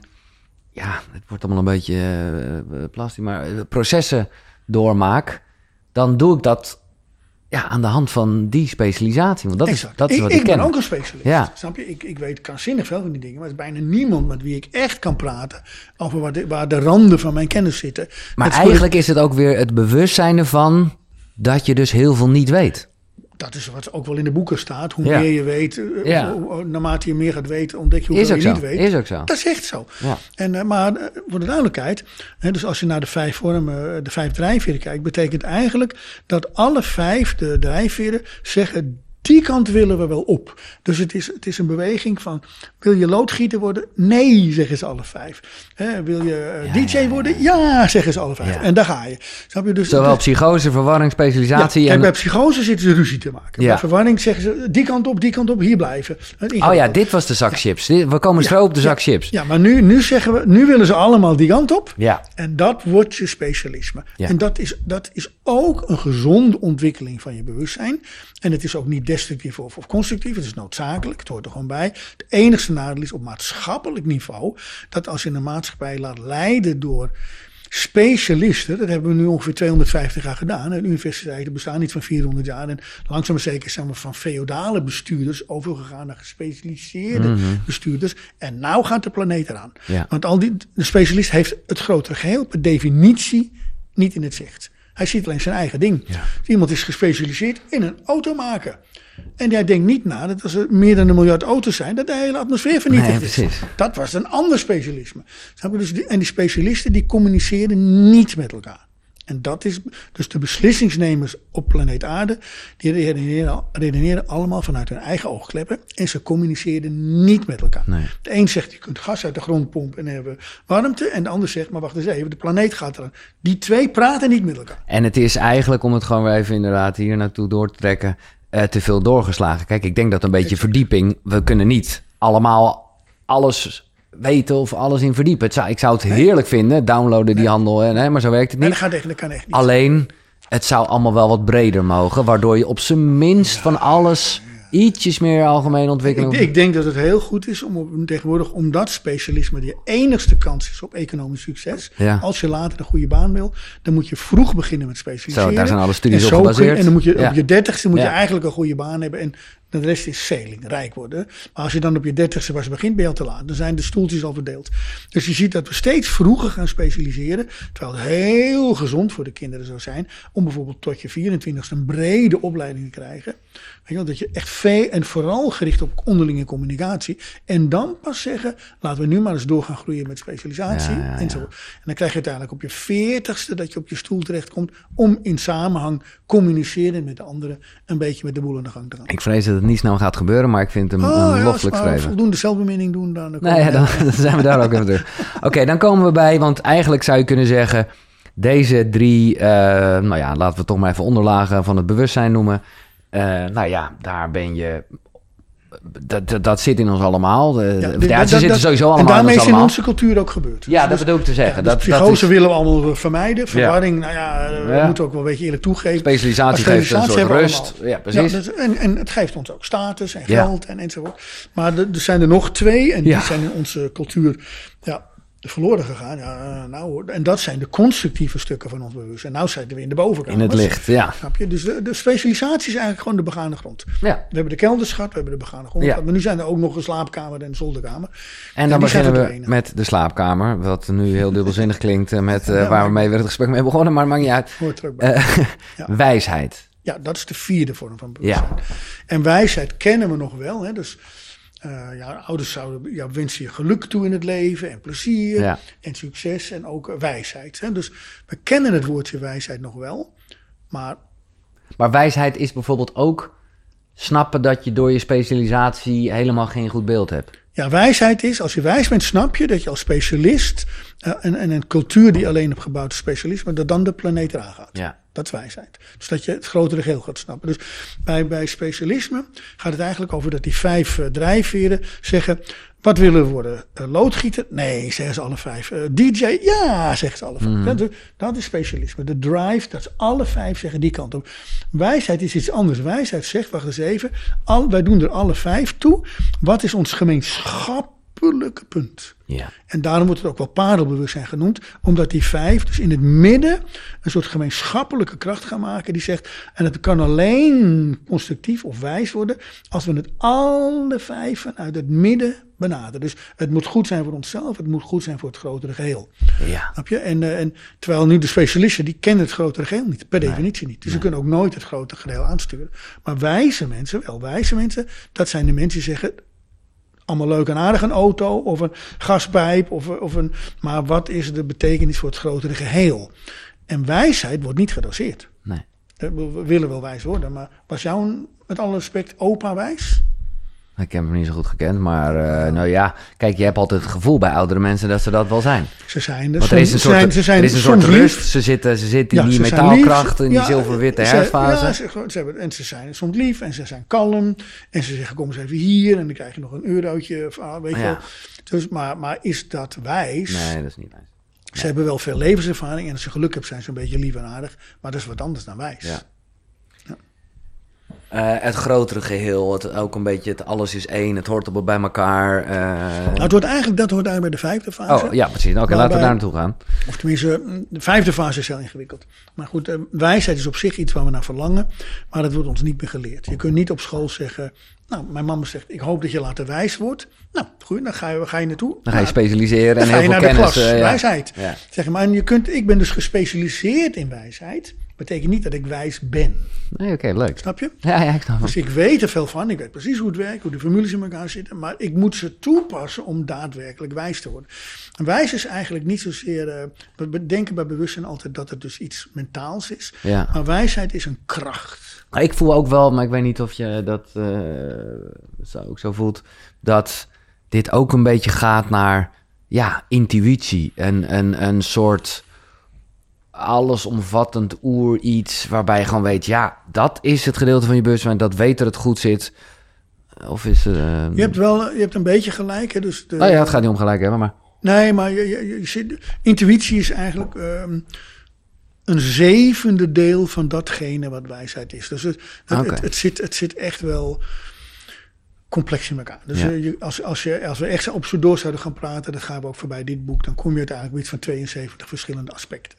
Dus alleen al Ja, ja, omdat jij die wijsheid ook weer... eh, Ja, ik ben gespecialiseerd in wijsheid. Dus ik kan, ik kan dieper en dieper en dieper in. Maar het gaat er natuurlijk in de, op dit moment om dat we toegeven dat wijsheid weinig eh, invloed heeft op ons leven. Dat de mensheid als geheel niet wijs omgaat met de planeet. Dus je moet maar jong zijn nu. Weet je wel, in mijn Ja. ik, ik ga lekker op strand liggen en genieten van dat, dat het allemaal in gaat storten. Maar als je nu jong bent, wauw, dat is indrukwekkend, snap je? Dan word je geconfronteerd met 200 jaar gekte. Specialisten die zeggen het moet zo. Ja. En de hele boel uit elkaar gesloopt hebben. Dus de wijsheid gaat over hoe houden we de boel zo bij elkaar. Dat we over duizend jaar, over tienduizend jaar, onze kinderen geboren kunnen worden en een prachtige planeet aantreffen. ja. Dat is wat is. Jouw boek, eh, denk ik nu, zie ik nu hier voor me liggen, heet ook Op weg naar wijsheid. Omdat jij dus eh, ernstig voelt dat eh, van de vijf, we komen straks bij de vijfde, daar we even het licht op moeten laten schijnen, daarin moeten gaan ja, trainen. En Ja, dus er moet eigenlijk er moet, er moet dus een specialistische toestand Ja. komen die over wijsheid gaat en die krachtig genoeg is om tegen de specialisten te zetten.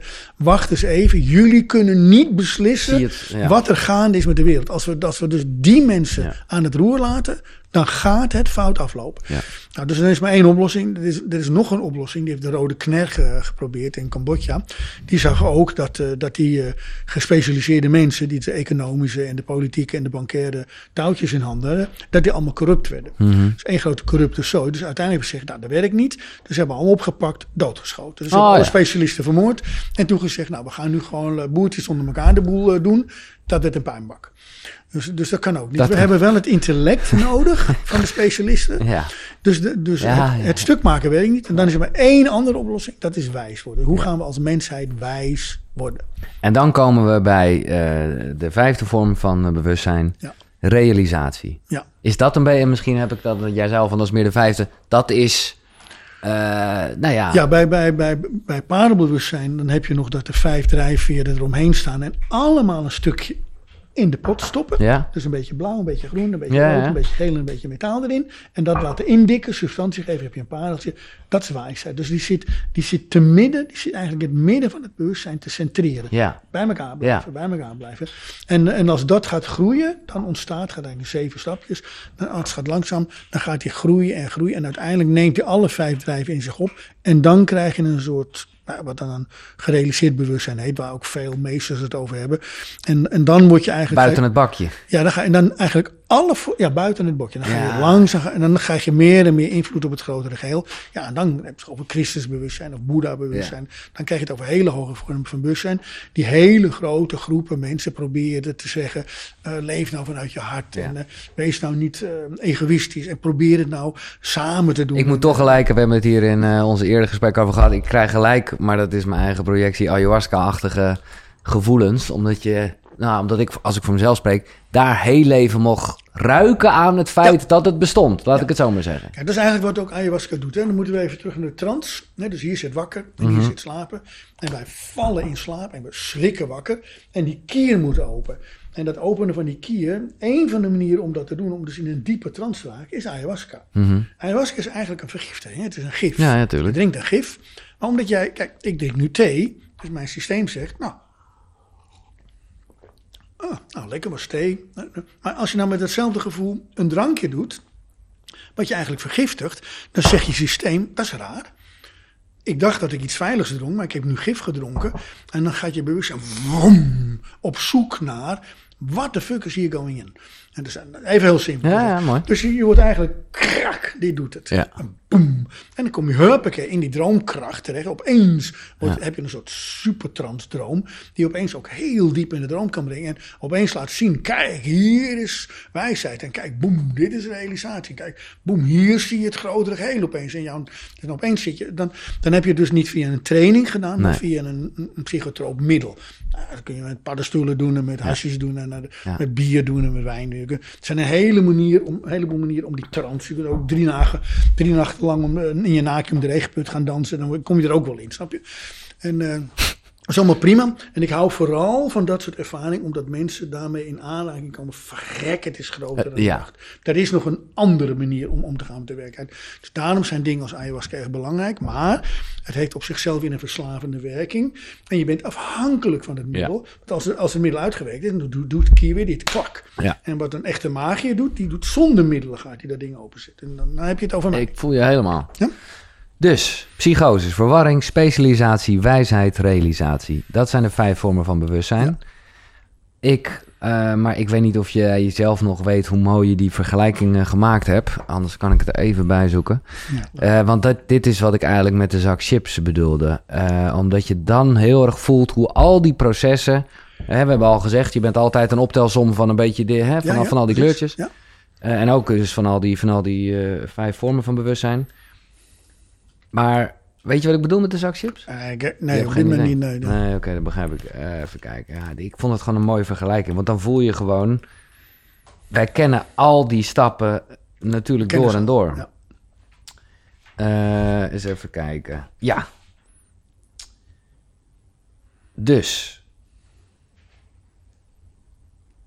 Neem het moment dat je met lekkere trek voor de voorraad, voorraad staat en een zak chips ziet liggen. Vanuit psychose denk je er niet eens over na. Dan, gooi je, dan eet je gewoon die, die zak chips op. Niet eens bewust van dat er een andere optie was. Verwarring, ja, dan weet je het niet. Zal ik hem wel of niet nemen? Je steekt je hand erin, toch ook weer niet. Een paar minuten later denk je toch weer wel. Eh, Oké. Vanuit specialisatie denk je er goed over na. Je bent een ervaringsdeskundige, je hebt eh, wel eens vaker chips gegeten. En je weet gewoon best wel goed wat de voor- en de tegen zijn. En dan maak je een afweging wat op dat moment voor jou het meest verstandig is. Dat is dat.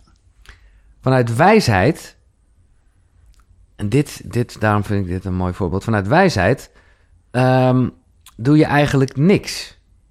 Wat je, hè, ja, je, want je zit natuurlijk heel erg met ik wil die chips wel opeten, ik wil die chips niet opeten. En vanuit wijsheid, ehm, ja, weet je, dat willen tussen aanhalingstekens. Want wil je echt chips eten of wordt iets in jou verleid door die lekkere chap- zak chips? En wil je de zak chips werkelijk laten liggen of is iets voor jou vooral bang om ongezond te worden of dik? Helemaal oordelen en zo. En dan zit je in angst en verleiding-achtige ja, precies, ja. Eh, dus eigenlijk zou je kunnen zeggen vanuit wijsheid, zie je, zie je dit gewoon gebeuren. Ja, zie je, zie je, ja, zie je deze spanning. Ja. En dan... En eh, je neemt ook geen beslissing. Nee. Maar het kan zijn dat je hem neemt en het kan zijn dat je hem niet neemt. Ik, ben, ik snap nu ook weer, want op een gegeven moment, ik zelf heb dat met chocola. Ja, en dus op een of andere manier hebben we, ja, moet- Rijn, dat jij met je chocola altijd, we moeten over chips hebben, zo is het een beetje. Nou, chips is nog wel... maar ik ken het heel goed. Ik ga echt gewoon, ik ga echt naar de supermarkt. Van, nou, weet je, ik, ik snoep te veel chocola. Ik ga geen chocola kopen. Dus, maar ja, dan loop ik de winkel uit met chocola. Ja. Dus, dus, dat is gewoon heel interessant hoe dat. Dus ik ben, ik ben ook, ik, kan, ik weet veel van wijsheid, maar nogmaals, ik ben niet Ja, wijs. alle processen gaan dus gewoon ik- door, ja. Dus ik, alle, het gaat gewoon over mezelf ook dan. Alleen ik ken de processen. En, eh, maar het is heel geestig om dat mee te maken. Hoe dat gewoon sterker is dan ik. Dus mijn eigen bewustzijn heeft lang niet altijd controle over wat Nee. ik doe. En dat, want dit zit in een stukje waarbij het gaat over wijsheid. Maar zou je nog kunnen... Hoe, hoe, hoe heb je realisatie in dit eh, verhaal? Kijk, realisatie is wel. eh, kijk, we hebben drie schatten. We hebben de Ja. levenskracht, we hebben ons bewustzijn, onze bezieling. En we hebben het over de derde schat, spiritueel ontwaken. En we hebben het alleen nog maar over bewustzijn. Ja. Een heleboel mensen verwarren volledig bewustzijn met spiritueel. Dat is onzin. Als je gerealiseerd bent, ben je niet spiritueel. Nee, even, we hebben het Oh, hier over... Nee, maar dit is Oh, eh, maar ik probeer het nog maar handen te Ja, geven. goed, we hebben het hier, het verschil tussen, alle twee abstract, ziel en geest. Ja, we hebben het over levenskracht, ziel, geest. Ja. Ja, en we hebben het hele gesprek over bewustzijn nu. En wijsheid. Wijsheid is een onderdeel van je bewustzijn. Ja. En eentje die in onze cultuur ontbreekt, met enorme gevolgen. Ja. Dus we willen heel graag wijsheid terugtrainen in ons bewustzijn. Maar zeg je nu dat realisatie, dat dat wel geest en shen is? Nee, realisatie Oh, is, is nog ook nog. steeds bewustzijn. Ja. Maar, maar het interessante van eh, realisatie, het wordt moeilijker om over te hebben, dus het wordt een beetje abstracter. Ja. Maar realisatie is eigenlijk de handleiding die je nodig hebt om de Shen te gaan begrijpen. Which is geest, Wat wereld- onbegrijpelijk wereldschat is. Dus, 3. ja, Ja. Dus de Zen is onbegrijpelijk. Dus, maar er bestaat wel een bewustzijnshandleiding om dus een geestelijk persoon te worden. tik-tak, tik-tak, tik Nee, nee, nee. Ik probeer... eh dit zit... Ja, nou ja. Oké. Ik gooi er nog even iets in wat bij mij wel veel eh, ja, rust gaf en ook onrust tegelijk, maar wel, wel echt als het gaat over wijsheid in ieder geval een soort kennis gaf. Dat als je ergens mee zit, laat ik het maar gewoon even ouderwets een probleem noemen, of een uitdaging zo je wilt, dan heb jij een, eh, een, een Einstein-zin een beetje aangepast en die heeft mij echt wel dat ik dacht, ja, maar zo is het. Problemen kunnen niet worden opgelost op hetzelfde niveau van bewustzijn als waarop ze veroorzaakt zijn. Ja. Dus dat betekent dat, nou ja, dat snappen we allemaal wel, dat je, nou ja, hè, als, als het, eh, de vorm van eh, psychose de overhand speelt, dan ga je dat daar niet mee oplossen. Nee. Daar zal dan toch, nou ja, specialisatie in wijsheid, denk ik, een rol spelen. Ja, helemaal. Ja. Nou kijk, laten we even gewoon over specialisatie hebben. Dat, dat zijn de, de, de bewustzijn wat onze cultuur momenteel aanstuurt. Wat problemen veroorzaakt. En het is dus onmogelijk om aan specialisten te vragen om de problemen die specialisten veroorzaakt hebben op te lossen. Ja. Dus we zitten dus schaakmat. Daar, daarom zie je ook een heleboel mensen ook wel een beetje van... Godverdomme, we zijn al 60 jaar bezig. Hoe met- gaan we dit fixen? Ja. van- oh ja, want dat was de Club van Rome, was in 1968. Die zeiden, jongens, dit grafietje gaan we nu doen. Dus we zaten, dat, wat we nu meemaken, was gewoon 50 jaar geleden keurig aangekondigd. Toen was ik 12, toen was het allemaal bekend. En waarom hebben we het nou de laatste 50 jaar niks, niks gedaan? Omdat we specialisten gevraagd hebben, gaan jullie het oplossen? Dat is alleen maar erger geworden. Want het, het probleem wordt veroorzaakt door specialisme. Ja, maar Dus goed, jij eh, bent nu ook de, dat zei je terecht, de Ja. specialist van de wijsheid. Dus Ja, jij precies. gaat, eh, maar eh, ehm, ja, hoe sta je erin? Als in hoe, want het, ja, jij zegt net, we staan schaakmat. Ik, ja, dat staan we niet hoor, want kijk, nu wordt het een doemverhaal. Nou ja, dat Volgens, precies. volgens mij, mensen die dus eh, zeggen het is allemaal reddeloos verloren zo, die hebben eigenlijk geen recht van spreken. Waarom ik recht van spreken heb? Omdat er een way out is. Ja? Ik, ik weet dat omdat we dus een ander bewustzijnsniveau nodig hebben dan specialisme, wijsheid en hoe wijsheid werkt, hoe je wijsheid kunt krijgen, eh, dat zodra we als mensheid wijsheid gaan ontwikkelen, alle mensen moeten wijs zijn, dan laat niemand zich meer wat wijs maken door de specialisten. Nou, dus we moeten wijs worden. Maar wij hebben eigenlijk geleerd om onze beslissingen over te geven aan de mensen die het wel beter zullen weten. Nou, daar moeten we mee ophouden. Hè, dus we moeten het zelf ja, zelf een ankeren. Dus we moeten verantwoordelijkheid nemen voor hoe gaan we de mensheid vormgeven. En, eh, en dat vraagt om een kracht. Die kracht, als je wijsheid wordt, word je machtig. Dus wijsheid is eigenlijk het vermogen om eh, een constructieve kracht op het grotere geheel uit te oefenen. Met andere woorden, iemand die wijs zit, wordt machtig. En dus deze technieken waar ik nu over heb, die komen uit, uit de magie. ja, Tovenaars zijn machtige mannen en vrouwen. Ja, ja. Het gaat over macht. Maar in onze cultuur macht, nee, macht is corrupt. Ik wil geen macht. nee. Nee, want eh, macht, Maar je bedoelt meer, eh, dan, dan is Mandela een beter voorbeeld. Ah, Mandela is een zeer goed voorbeeld. Ja. Dus die, die heeft dat ook gedaan. Zeg, wacht eens even. eh, niet, niet uitbesteden. Zelf. Ja, Weet je wel, aan, aan- vergeven. Ja. En met elkaar, met elkaar weer opnieuw Maar beginnen. als je dat zelf uitstraalt, ja, nee, lekker. Ik merkte toch dat de, eh, de, de verwarring, eh, ik- zou maar zeggen, de polarisatie er net even bijna de overhand nam, omdat ik echt dacht van, of het gaat helemaal slecht met de wereld, inderdaad, doemscenario, of Nee. het is allemaal goed. eh, en, eh, Kijk, we, we- we- nogmaals, deze dingen, het gaat over bewustzijnsontwikkeling. Bewustzijnsontwikkeling is een vorm van seksuele transformatie. Alles komt voort uit seks. En een heleboel mensen die bij seksuali- seksualiteit aan vrije denken. En als ze dan over transformatieseksualiteit gaan denken, dan gaan ze over extase denken. Extatische seks. Dat is een beetje, daar hebben we Ja, het over ja. tantra, zeg maar. Ja. maar. Maar waar we het nu over hebben is dat je seksuele energie op zo'n manier gaat richten dat je meer vitaliteit krijgt, volgens een boost in je bewustzijnsontwikkeling krijgt en ook nog spiritueel ontwaken mogelijk maakt. Dus, dus als mensen hun seksualiteit gaan trainen, niemand traint zijn seksualiteit, dus ze zijn geen wijze mensen. En seksualiteit is dé bron die je nodig hebt om de vierde fase in jezelf te ontwikkelen. Zonder seksualiteit kun je geen wijsheid ontwikkelen. En we hebben onze seksualiteit onderdrukt, dus er zijn geen wijze mensen. Gaan we onze seksualiteit trainen, dan gaan razend tempo wijze mensen ontstaan. Dus de, de, de kern is seksuele veiligheid. Dat is de motor. ja, En, als je, en, en dat is makkelijk, want iedereen heeft zin in seks. Dus je hoeft alleen maar te zeggen, zullen we gaan seksen? Ja, iedereen gaat seksen, alleen nu in jezelf. Dus nu ga je nou, ik jezelf wil net zeggen, jij zegt Ja. makkelijk, maar het is juist eh, om, om, nou ja, daar een beetje controle op uit te oefenen en dat, dat eh, niet inhouden, ook niet grenzeloos. begrenzen. Niet ja, onderdrukken. Nou, ja. niet grenzeloos maken. Gewoon netjes in het midden laten stromen. Zodra je die seksuele in jezelf kunt, kunt laten stromen, dan, gaat die, dan gaan die drie schatten aan de gang. En in, in, in een tijdbestek van 7, 8, 9, 10 jaar begin je al wijsheid te ontwikkelen. Iemand die zijn seksualiteit niet op orde heeft en niet traint, zal nooit wijs worden. En zouden eigenlijk ook geen eten mogen krijgen. Dat wordt duidelijk. Nou ja, waarom zouden we mensen eten geven die de planeet stuk maken? Ja, eh, sorry, daar moet je over nadenken. Nee, dus, eh. wie wil je eten geven? Mannen en vrouwen die wijs gaan worden. Maar dan gaat het in razend tempo de goede kant op met de planeet. Ja, ik dat is mijn stijl van lesgeven. Maar Love it.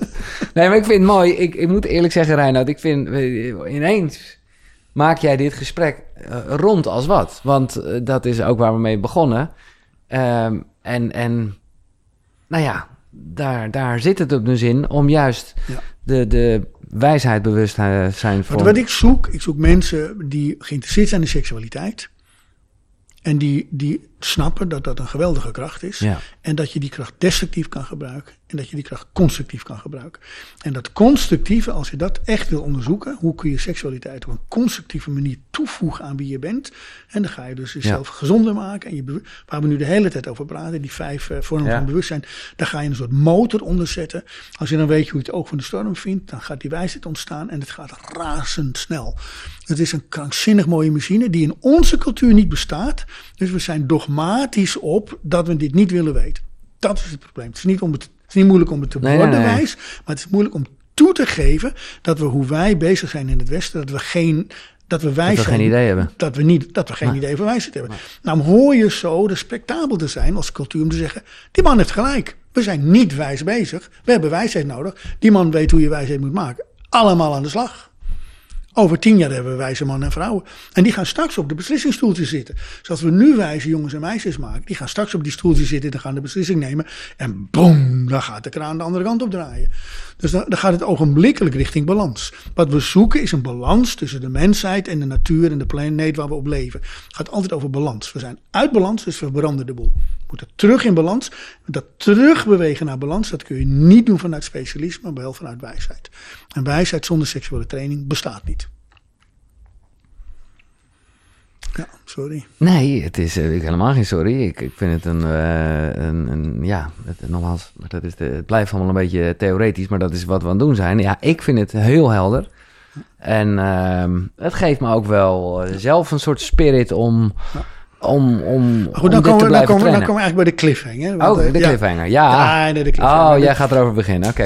ja, nee, maar de, de- de- ja, nee, sorry. Nee, heel goed. Half Nederland wacht hierop. Zo. Ja, oké. Nee, maar voor de duidelijkheid, voor de mensen thuis zo. Kijk, wij hebben vorige keer een gesprek gehad. En eh, jij. nou ja, dat was top. Het ging, dat, dat ging heel erg over Mensen moeten het eigenlijk terugluisteren. Ja, dat sowieso. En het ging natuurlijk over, over eh, dat alles energie is, seks, vitaliteit. Het ging over jouw eh, eigen levenspad hierin, hoe jij bewust ervoor had gekozen om, eh, nou ja, de voortplanting, of hoe zeg je dat, kind, hoe heb je hebt het de naam nog even, kindloos? Nee, Kindvrij. kindvrij, sorry. Kindvrij, je leven te leiden. Nou, ik had daar al wat vragen over Ja, van, van, hey, goh, Reinhard, heb je nou niet zin om een eigen zoontje zijn of een toch- dochtertje te Ja, hebben? nou ja, het is vanuit- allemaal nee. superspul. Nou ja, Ja, ik, nee, snap ik, Ja, ja. dat was Ja. precies inderdaad. Goed onthouden.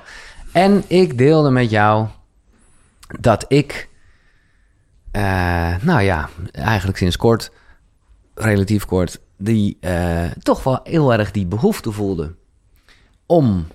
eh, Met je partner. ja, Ja. precies. De voortplanting seks echt eens een keer te gebruiken, zou ik zeggen. Dus het condoom weg te halen. ja, je hebt het al heel lang gebruikt, maar nu dan een keer dat condoom Ja. ertussen uit te halen. en jij was... Ik, ik reageerde niet enthousiast. Ja, nee, nou, dat is licht uitgedrukt. Eh, jij vond het een slecht idee. Eh, want, en, en ik heb het daarna nog een paar gesprekken toch, ja, ik wilde natuurlijk toch een soort andere bevestiging horen dan wat jij zei. Eh, jij had zoiets van, ja, daar ben je te oud voor. Jij hebt gewoon niet meer de gezonde het gezonde zaad Ja. om een echt vitaal kind neer te zetten. Een liefdesbaby. Een liefdesbaby. Ja, heftige boodschap. maar, Heftige eh, boodschap. Mensen hebben er, ik, ik nogmaals, ik nou, vind ik kreeg het- ook veel commentaar. Ja? Ja, natuurlijk. Ja. Ja, oké, nou, ik ook. En, maar niet, niet, zo, niet zozeer om het thema, maar mensen vonden ook wel dat ik het wel een beetje cru, eh, Ja, jongen, maar dat jongen. is, Dus als ik iets ik pak- ken, is het ik- ik eh, pak je zelf wel even aan. Nee, maar love it. En, en, en, Maar dat komt omdat het lekker zit. Ja, maar, exact. Of we, talk business or not. Dus ik voelde me vrij genoeg om daar even in te eh, gaan. en dat zie ik als een mooi compliment. Wederzijds respect, uiteraard. Ehm, Maar wat ik, wat ik zelf heel leuk vind om te vertellen, want we zitten hier nu, maar ehm, ongeveer een maand geleden kwam ik, belde ik ook aan. Ja, oké, Sorry, dat was wel maar. geestig. Ja, dat was Want ik, ik had, ik had, wij, ik- hadden, wij hadden afgesproken. ja, een eh, maand geleden dit gesprek. Ja, nou, we hadden al bij ons eerste gesprek gezegd... oh, we hebben de Ja. vijf vormen van bewustzijn niet besproken. Ja. We gaan een deel 2 doen. Ja. En daar is een datum voor afgesproken, Ja. maar door een of daarvoor. communicatieprobleem, ja. dat maakt helemaal niet uit. Maar Ja. ik stond een maand geleden hier bij de deur en kwam binnen. Zo van, nou, we gaan het tweede gesprek doen. En hij, eh, Giel van, nou, ik weet niet wat we het over hebben, maar eh, die afspraak is verzet. En dat Ja. was dus misgecommuniceerd. Ja. Maar goed, ik kreeg een kopje thee en ga even zitten daar en dat was leuk. Even Ja, tien minuten. toch even... eh, ja. En, eh, en, toen, eh, en toen zei ik, nou oké, we doen het volgende maand. En toen zei ik, eh, zei ik tegen hem van, nou luister, eh, zorg nou in ieder geval dat je, dat je nog niet je vriendin zwanger maakt Totdat we dit gesprek hebben Ja. gehad. En heel geestig, wat zei jij toen? Weet je het nog? Nou, ik, ik, weet, ik zou nu zeggen, dat kan ik niet beloven, maar ik weet Nee, jij zei toen, nee, nee, ik ga juist, ik, ik en Oh, mijn ja. zijn juist aan het proberen om voordat Ja, ik dit gesprek nee, heb, dat dat, dat, ik jou kan vertellen, Ja, ze is zwanger. dat had mij oprecht heel leuk geleken. ja, dat was natuurlijk ook een hele goede... om gewoon in dit Ja. gesprek aan jou als een van de eerste te vertellen. Ja. Reinoud, goed nieuws. Of even vind ik. dramatisch nieuws, vind Dramatisch ik. Ja, ja. nieuws. Ehm, Maar wij gaan eerst, eh, en waarschijnlijk op het moment dat mensen dit luisteren, eh, ben ik dat aan doen. Eh, wij gaan eerst op reis. Ik bedoel, wat dat betreft, de zeven sluiers zijn in de eerste aflevering wat beter besproken. Ja, maar niet. En, en ik voel heel erg dat spel wat je daar beschrijft. Hè? Dat Mooi. is van, nou ja, friemelen tot het kind, zou je kunnen zeggen. Ja, precies. En ook dat, dat die zevende fase eigenlijk uit de extase is. Ja. En meer in een soort weldenkendheid. Ja. Over van hoe, wat gaan we daar precies doen eigenlijk. Dus, eh, ja, er is nog geen update. Maar ik, ben al, ik, ik dacht al eerder toen we, ja, het, het- ik het toch alweer bijna had over het derde gesprek... wat er zeker gaat komen over de dromen... en misschien toch ook voor die wijsheid wat nog meer uitsplitsen. Natuurlijk. Anyway, ja, ik heb daar nu niet echt nieuws over. Ik, eh, Maar ik dat heb, is goed nieuws dus. Ja, voor jou. Ja, voor mij. Ja, maar, eh, maar, Nee, maar ik... ik Ja, maar kijk, het, het, het heeft natuurlijk met twee mensen te maken. Je hebt ook een partner, dus het is ook weer een beetje ingewikkeld over dit soort dingen publiekelijk te praten. Het Ja. hoort eigenlijk bij intimiteitsbeleving. Mhm. En, en dat is, eh, moet eigenlijk alleen eh, tussen jou en je partner besproken worden. Nee hoor, maar ik deel Maar graag. de- dat is de, bedoel. Ja, de- maar, maar, maar ja. waar het over gaat, je zult het met me eens zijn dat seksueel grensoverschrijdend gedrag niet gewenst is. Nee. Oké, check. Ja, even. Ja. Maar pas op, hè, je speelt met een van de beste hier. Hè, dus, eh, Jij gaat mij zeggen dat ik nu een seksueel grensoverschrijdend verdrag vertoon? nou, eh, laat ik het even zo zeggen. Gren, seksueel grensoverschrijdend gedrag koppelen we meestal aan dat we iemand, eh, iemand nee zegt en we gaan toch over die grens heen. Even heel simpel gezegd, maar met allerlei hele subtiele en ook hele verschrikkelijke voorbeelden. Maar je kan dus ook jezelf overschrijden. Je kunt ook over je eigen grens gaan. Ja. Sterker, iemand die grensoverschrijdend is naar de ander, is ook grensoverschrijdend naar zichzelf. Omdat hij niet weet waar het nee zit, waar hij stopt en waar de ander eindigt. Ja? Dus dat zijn, maar er is nog een vorm van grensoverschrijding die we eigenlijk een beetje over het hoofd zien de hele tijd. En, en waar niet alleen mannen, maar ook vrouwen verantwoordelijk voor zijn. En dat is dat we eh, te maken krijgen met seksuele energie die niet goed beschermd is en niet in kop- koppeling ge- ge- gemaakt wordt naar wijsheid. Die krijgt een grensoverschrijdende werking naar het grotere geheel. Dat heet overbevolking. En als je dus de planeet gaat overbevolking. Toen ik geboren word, waren, we, waren er 3 miljard mensen. Zijn er nu, net twee maanden geleden, is het 8 miljardste kindje geboren. Lang zal ze leven. Ik heb niks tegen het babytje. Alle Nee, baby's nee, die maar in het worden, grotere geheel vanuit wijsheid. acht. Dus ik ga in mijn leven nog meemaken dat we naar 9 miljard gaan. Ja. Nou, nu zitten we te mopperen over CO2 en over dat de planeet aan het opwarmen is en dat de bossen afbranden en dat we niet genoeg eten en dat de oceanen leeg zijn. En nu hebben we nog steeds niet in de gaten dat we als mensheid grensoverschrijdend zijn naar het grotere geheel. We gaan over de grens van de we gaan over de grens van de oceaan, we gaan over de grens van de dolfijnen, we gaan over de grens over allerlei diertjes, we gaan over de grens van de bossen en de meren en we zijn onze atmosfeer aan het vervuilen. Dus we zijn als mensheid grensoverschrijdend naar onze eigen omgeving. Dus dat is ook een gebrek aan seksuele training. Dus je hoort eigenlijk als mensheid op zoek te gaan, hoe gaan we nu met elkaar ervoor zorgen dat de mensheid in balans is qua aantallen met wat we als moeder aarde aan te bieden hebben. Niet alleen onze eigen kinderen, want een liefdesbaby gun je eigenlijk een schone planeet. Maar ook aan de baby's van de baby's van de baby's van de baby's. ja, ja. Hoe zitten we over 100 miljoen jaar? Wordt er een babytje geboren? Is dat babytje in staat om zichzelf te ontwikkelen? Dus het gaat over grensoverschrijdend gedrag in het grotere geheel. Dus we moeten gaan bijsturen op hoe we daarmee omgaan. Dan komen we toch weer op de Khmer uit, denk ik. Nou, de, nee, je kunt over de one-child policy gaan hebben van de Ja, Chinezen, maar die kant wil ik helemaal niet op. Je, hebt, je, hebt, je bent je op twee manieren specialiseren. In muziek, super specialisaties, zul je dat ook wel vinden. Absoluut. Maar je hebt ook allemaal boeken over bewustzijn staan. Bewustzijn gaat over grip krijgen op de constructieve kracht, kracht en het grotere geheel. Die missen we in onze cultuur. Nou, dus nu hebben we het hierover, dus wat ga ik doen? Wacht eens even. Er moet een rem op kinderen krijgen. We moeten met elkaar leren omgaan. Welke baby's kunnen wel en welke baby's kunnen niet. Die beslissing kun je dus niet van hogerhand opleggen. En Nee. ook niet ideologisch opleggen. Dat kan alleen maar vanuit eigen wijsheid ontstaan. En die wijsheid kan alleen ontstaan als je seksueel traint. Want anders ben je onderhevig aan seksuele dwang. En als je eenmaal in gezonde seksuele drang komt. Als je vol bent en dan word je kindvrij. Dan kun je allemaal samen, ga je zelf zien welke kinderen er wel komen en niet komen. Maar niet zomaar dat iedereen het recht heeft om kinderen te krijgen. Dat is niet zo. Daar moet over nagedacht worden. En als je dan ook nog te oud bent, dan wordt het heel makkelijk. Te laat. ik ben blij dat ik nog een twinkeling in jou gezien. Nee, maar kijk, laten we hier eh, in godsnaam eh, geen eens niet. Individueel is het gewoon, snap ik. Maar als. Nou, maar ik je bent bezig met bewustzijn. Je wilt, je wilt zo nodig okay. dingen over bewustzijn nee, weten. Toch, dan het bewustzijn gaat uiteindelijk inzien dat we als mensheid grensoverschrijdend zijn. Dus mannen en vrouwen zijn grensoverschrijdend. Nee, ik snap. Uh, Dus ik volg je Dat wil ik alleen maar weten. Maar ik zou ook nog wel willen toevoegen, niet om het helemaal voor mezelf recht te praten, maar wel een beetje. Een beetje dat. Wel nou ja, ik, nou, is dit gesprek een, mooi voorbeeld van. Ik zelf ben op een ontdekkingstocht naar meer wijsheid. Misschien kan ik het zo omschrijven. Ja. Omdat, uh, ja, om dat goed te voelen. Oh, hè, wat, wat, wat dat inhoudt. Ja. En dan heb ik het niet eens zozeer om het aan mijn hopelijk toekomstig kind door te geven, maar überhaupt te weten wat voor een proces mensen meemaken vind ik, voel ik ook op die manier heel erg de behoefte om te weten hoe het is om ouder te zijn. Ja, ik snap het. Maar het is eigenlijk een projectie op het niet omarmen van je innerlijke kind. Dus omdat je je eigen innerlijke wijsheid niet laat groeien, dus je, eigen innerlijke kind is piepklein en laat je niet echt groeien, dan krijg je uiteindelijk een soort dwang om een uiterlijk kind geboren te laten worden. Maar dat heeft jouw vader met jou gedaan en, mhm. en de opa met hem gedaan. En zo zijn we weer terug in de middeleeuwen. Dus als je het over bewustzijnsontwikkeling hebt, dan gaat het over het vermogen om ook je seksualiteit op een gezonde manier te sturen en te laten stromen. Dus dat is nog niet. Maar jij hebt nog niet getraind, dus ik snap heel goed waar je mijn kinderwens hebt. Maar het is een teken van nog niet getraind hebben. En iedereen die hiermee rondloopt, iedereen zegt ja, maar er moeten toch kindertjes geboren worden, bla bla. En ik heb, dat is allemaal ja, maar. Het is allemaal een gevolg van geen wijsheid hebben en seksueel onveilig zijn. Dus het is makkelijk om de mannen seksueel grensoverschrijdend te maken. Maar de mens als zich, dus mannen en vrouwen, zijn precies evenveel grensoverschrijdend. Allebei. Beide mensen, types zijn grensoverschrijdend. Oké. je vrouw ook, voor de duidelijkheid. Ja, ja, ja. ik ken haar niet en ik is ongetwijfeld een leuke meid zijn. ja. Op dit punt uh, is ongetraind. ik ben benieuwd of mensen het einde van het gesprek gehaald hebben. Dan zou ik zeggen, laat onder in de reacties. Wat is wijsheid? Ja, wat is wijsheid? Wel of geen? Kind of innerlijk kind? Ja. Ja. Nou, mooi, Giel.